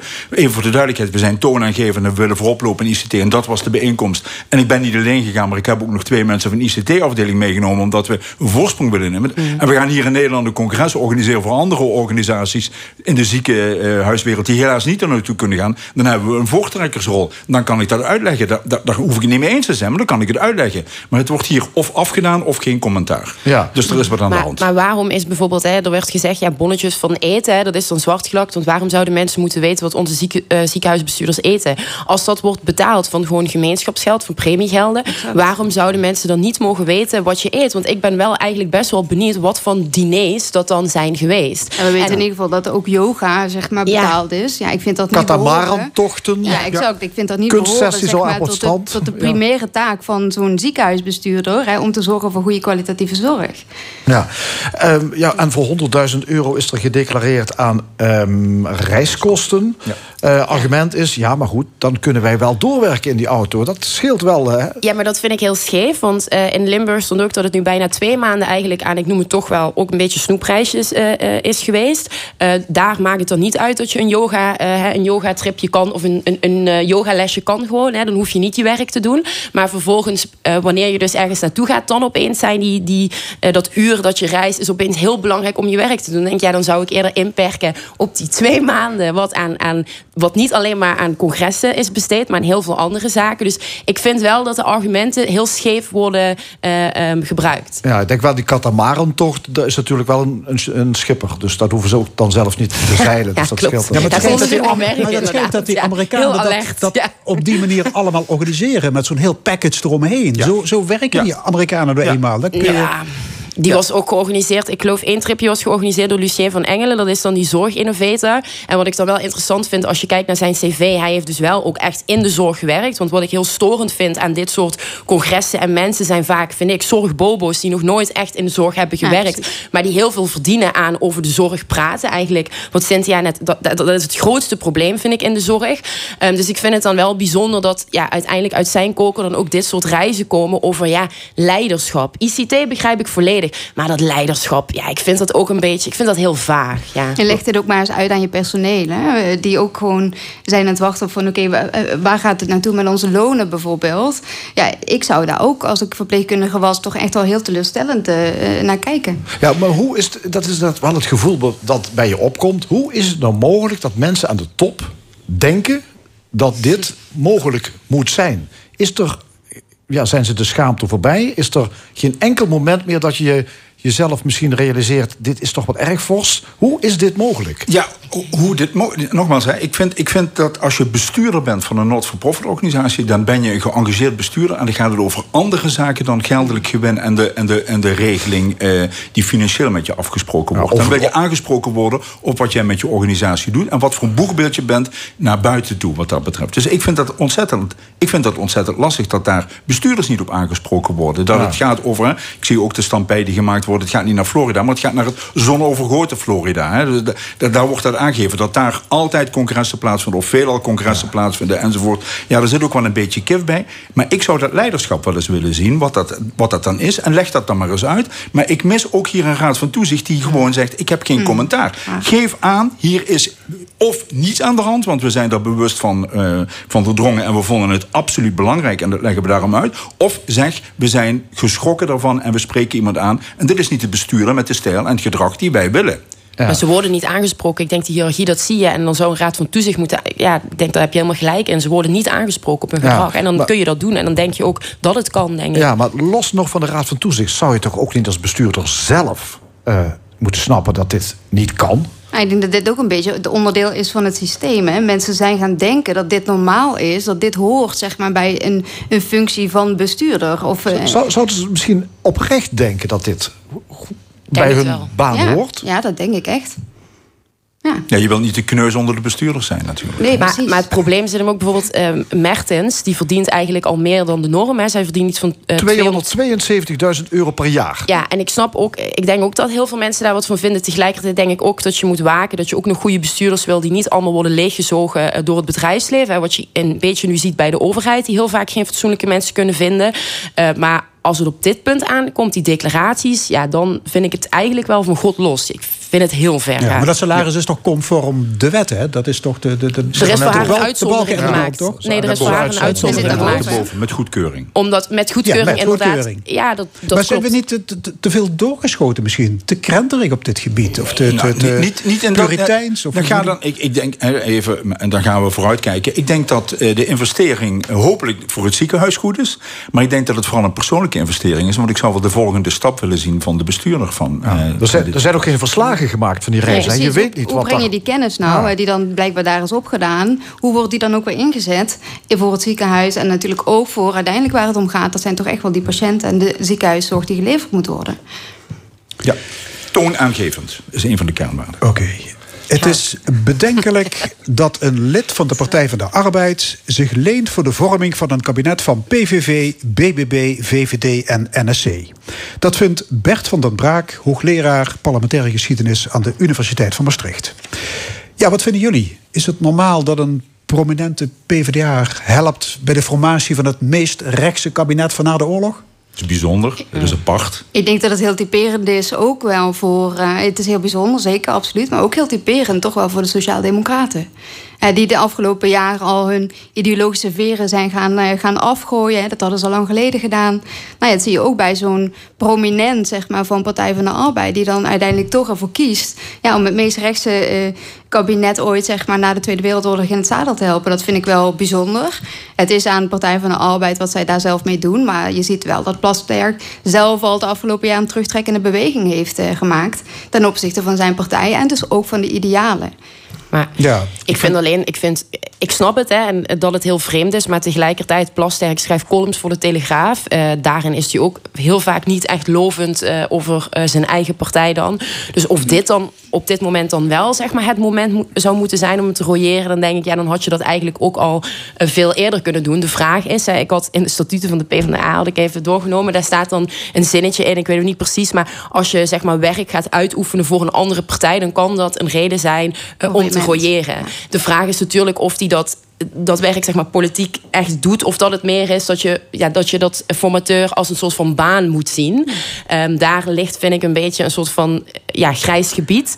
Eh, ik denk dat ze hem beter niet kunnen royeren. Want ik denk dat Plasterk dan vervolgens weer heel veel input heeft voor honderden columns in de Telegraaf. Ja. En dat het alleen maar averechts werkt. Dus ik zou het gewoon niet doen Dat en er gewoon kwestie, niet op hè? reageren. Ja, die, die, die parlementaire historicus die wijst erop dat de PvdA niet eens meedoet aan dat kabinet.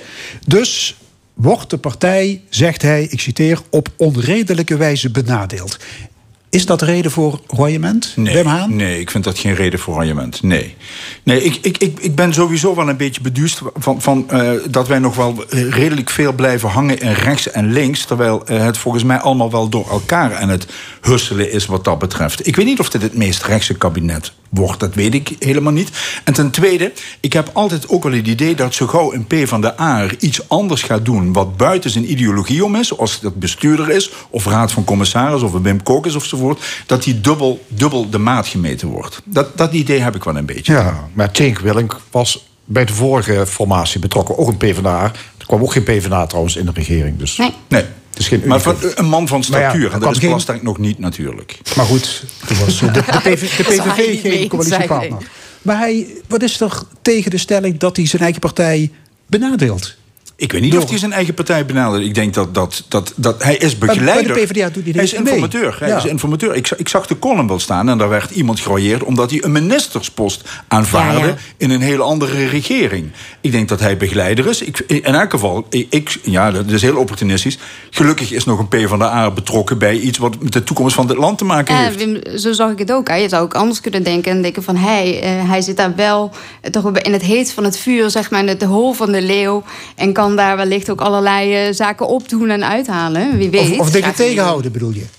Nou, dat lijkt mij niet. Hè. Ik denk dat hij is toch iemand die, die daar iets moet vinden... voor de partijen die daar aan tafel zitten.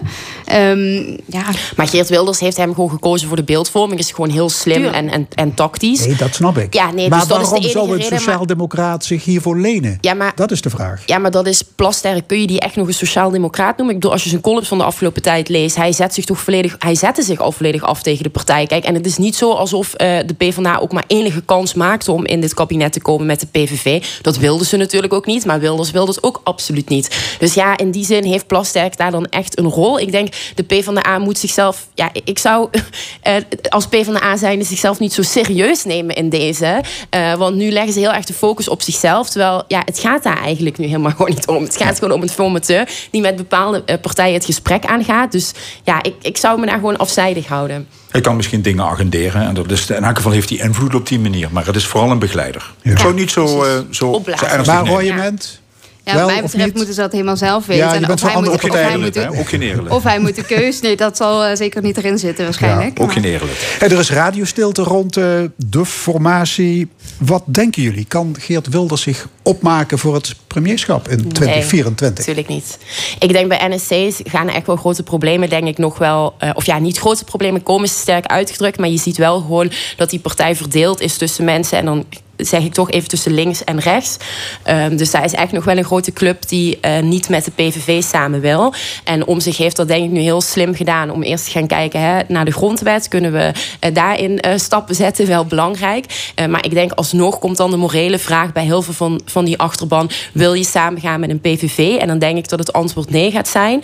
Dus ik denk het enige optie die ik voor me zie... is dat je een kabinet krijgt met NSC, BBB en VVD... en dat de PVV gaat gedogen. Dat denk ik dat hem gaat worden. Cynthia Smeets, SP, statenlid. Wat denk Nou jij? ja, hè, ik denk, het kan, hè. dat is absoluut een optie. En aan de andere kant zie je ook dat de PVV... ehm, ja, dat gaat natuurlijk altijd maar over één persoon. Hè. Dat is gewoon Geert Wilders. Dat is de partij PVV. En eh, alle mensen die daaronder zitten... Ja, die zijn best wel onbekend of nog helemaal nog niet eh, eh, lang zeg maar, onderdeel van, eh, van de Kamer.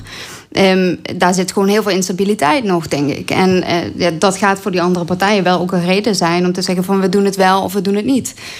Wim Haan, hoe gaat het aflopen? Doe eens een voorspelling. Nou, eh, eh, dat de PVV nog groter wordt. Dat, dat, is, dat, dat, wordt, dat wordt in elk geval een, eh, een, een vervolg wat er plaatsvindt. Hoe er een regering gaat uitzien en een kabinet gaat vormen, vind ik ontzettend lastig wat dat betreft. Hmm. Maar dat de PVV nog groter wordt, daar, daar, daar durf ik om te komen. En het wordt de Limburger van het jaar 2024. Nou ja, dat, dat blijkt ook wel gewoon uit de laatste peilingen. Ja.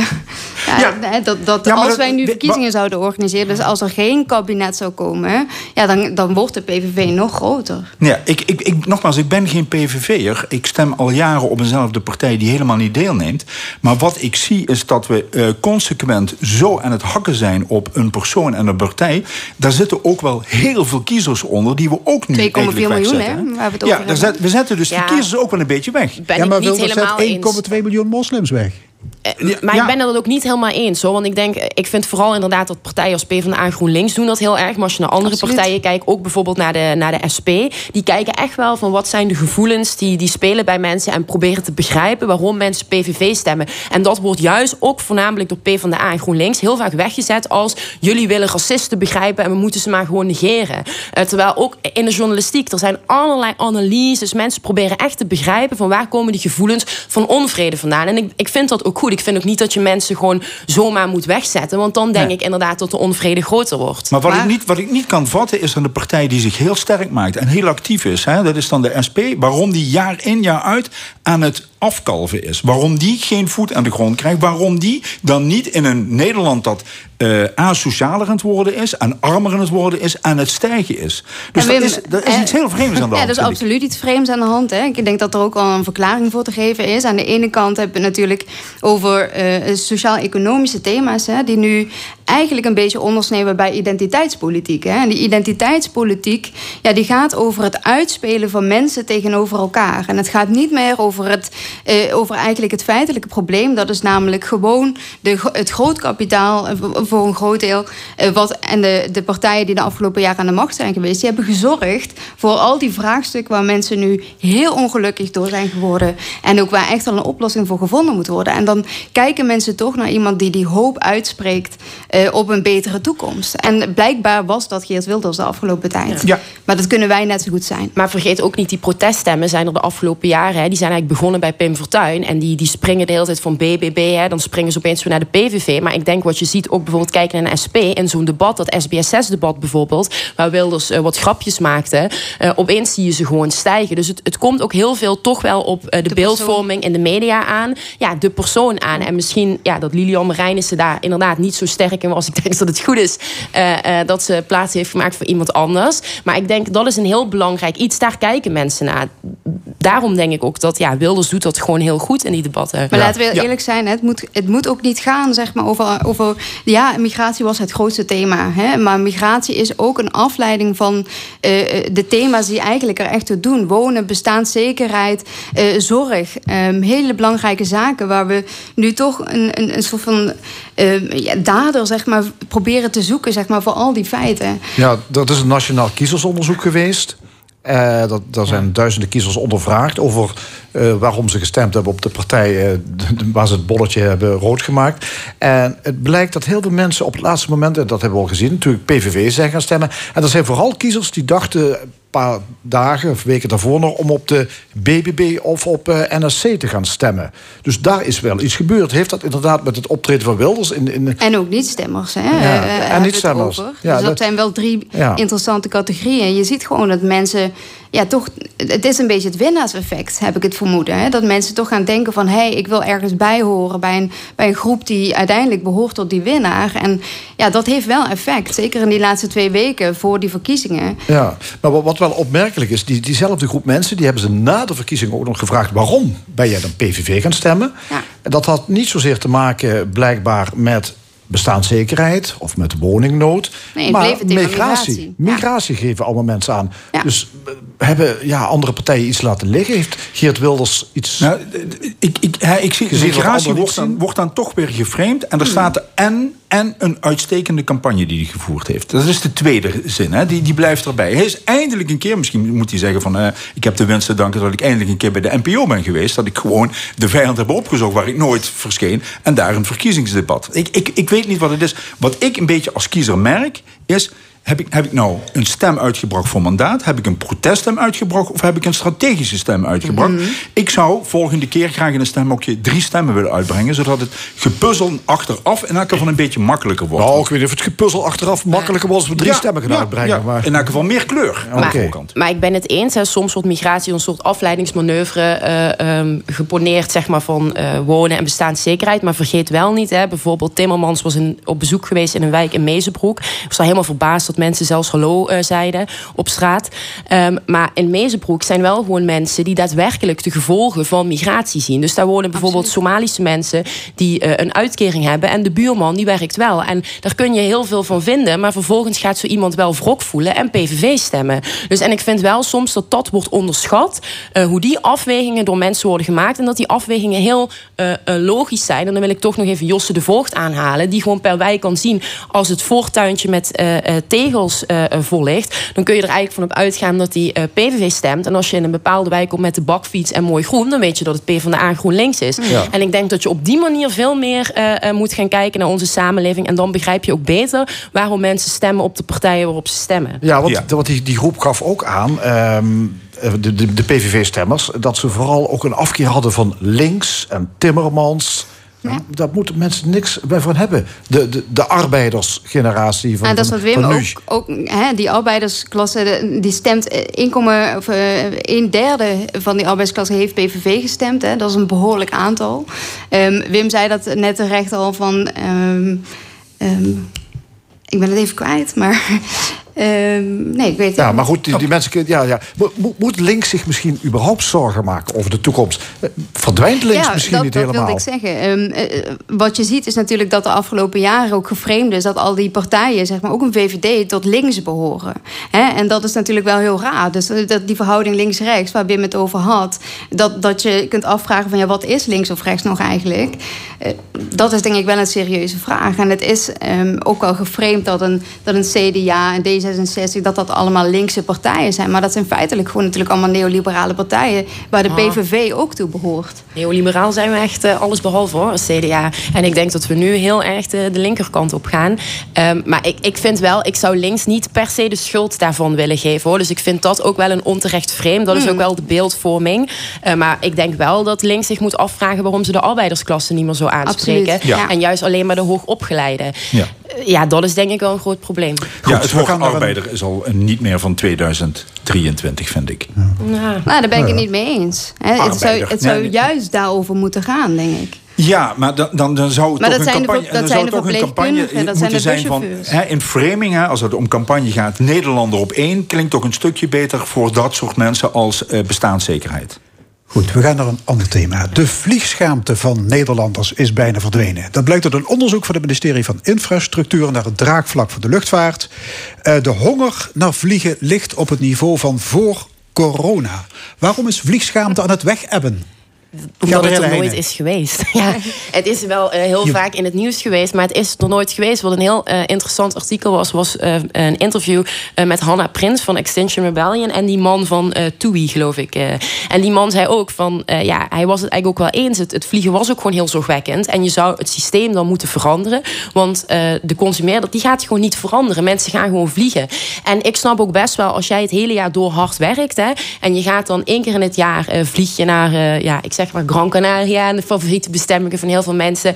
Ik vind ook niet dat we daar, dat we die mensen ehm, ehm, ja, eigenlijk moeten aanspreken op het is allemaal zo slecht eh, wat je doet. Eh, ik, ik vind dat niet eh, eh, de goede weg. Maar als het Maar de luchtvaart levert een, een grote bijdrage aan de, Klopt, ja. aan de klimaatschade, zeg maar, aan de klimaatzaak. Ja, maar dan zul je Dus- van bovenaf het systeem denk ik toch eh, eh, moeten veranderen. Of vliegen duurder maken, het zakelijk reizen denk ik. Als je daar al eh, eh, beperkingen in gaat brengen, kom je al een hele weg.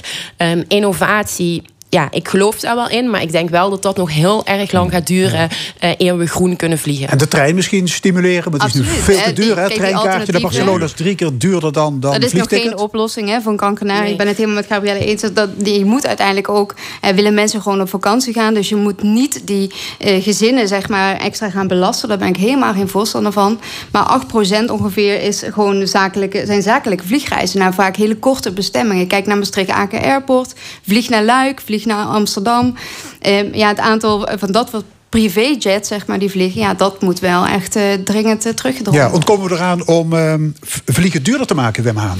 Nou, dan, dan kom je bij de categorie die juist dat ene verzetje uh, zou willen doen. Dan wordt het een luxe iets, wat het ooit vroeger was. Ja. Namelijk, je stort in een vliegtuig en dat was het Peter Stuyvesant gevoel.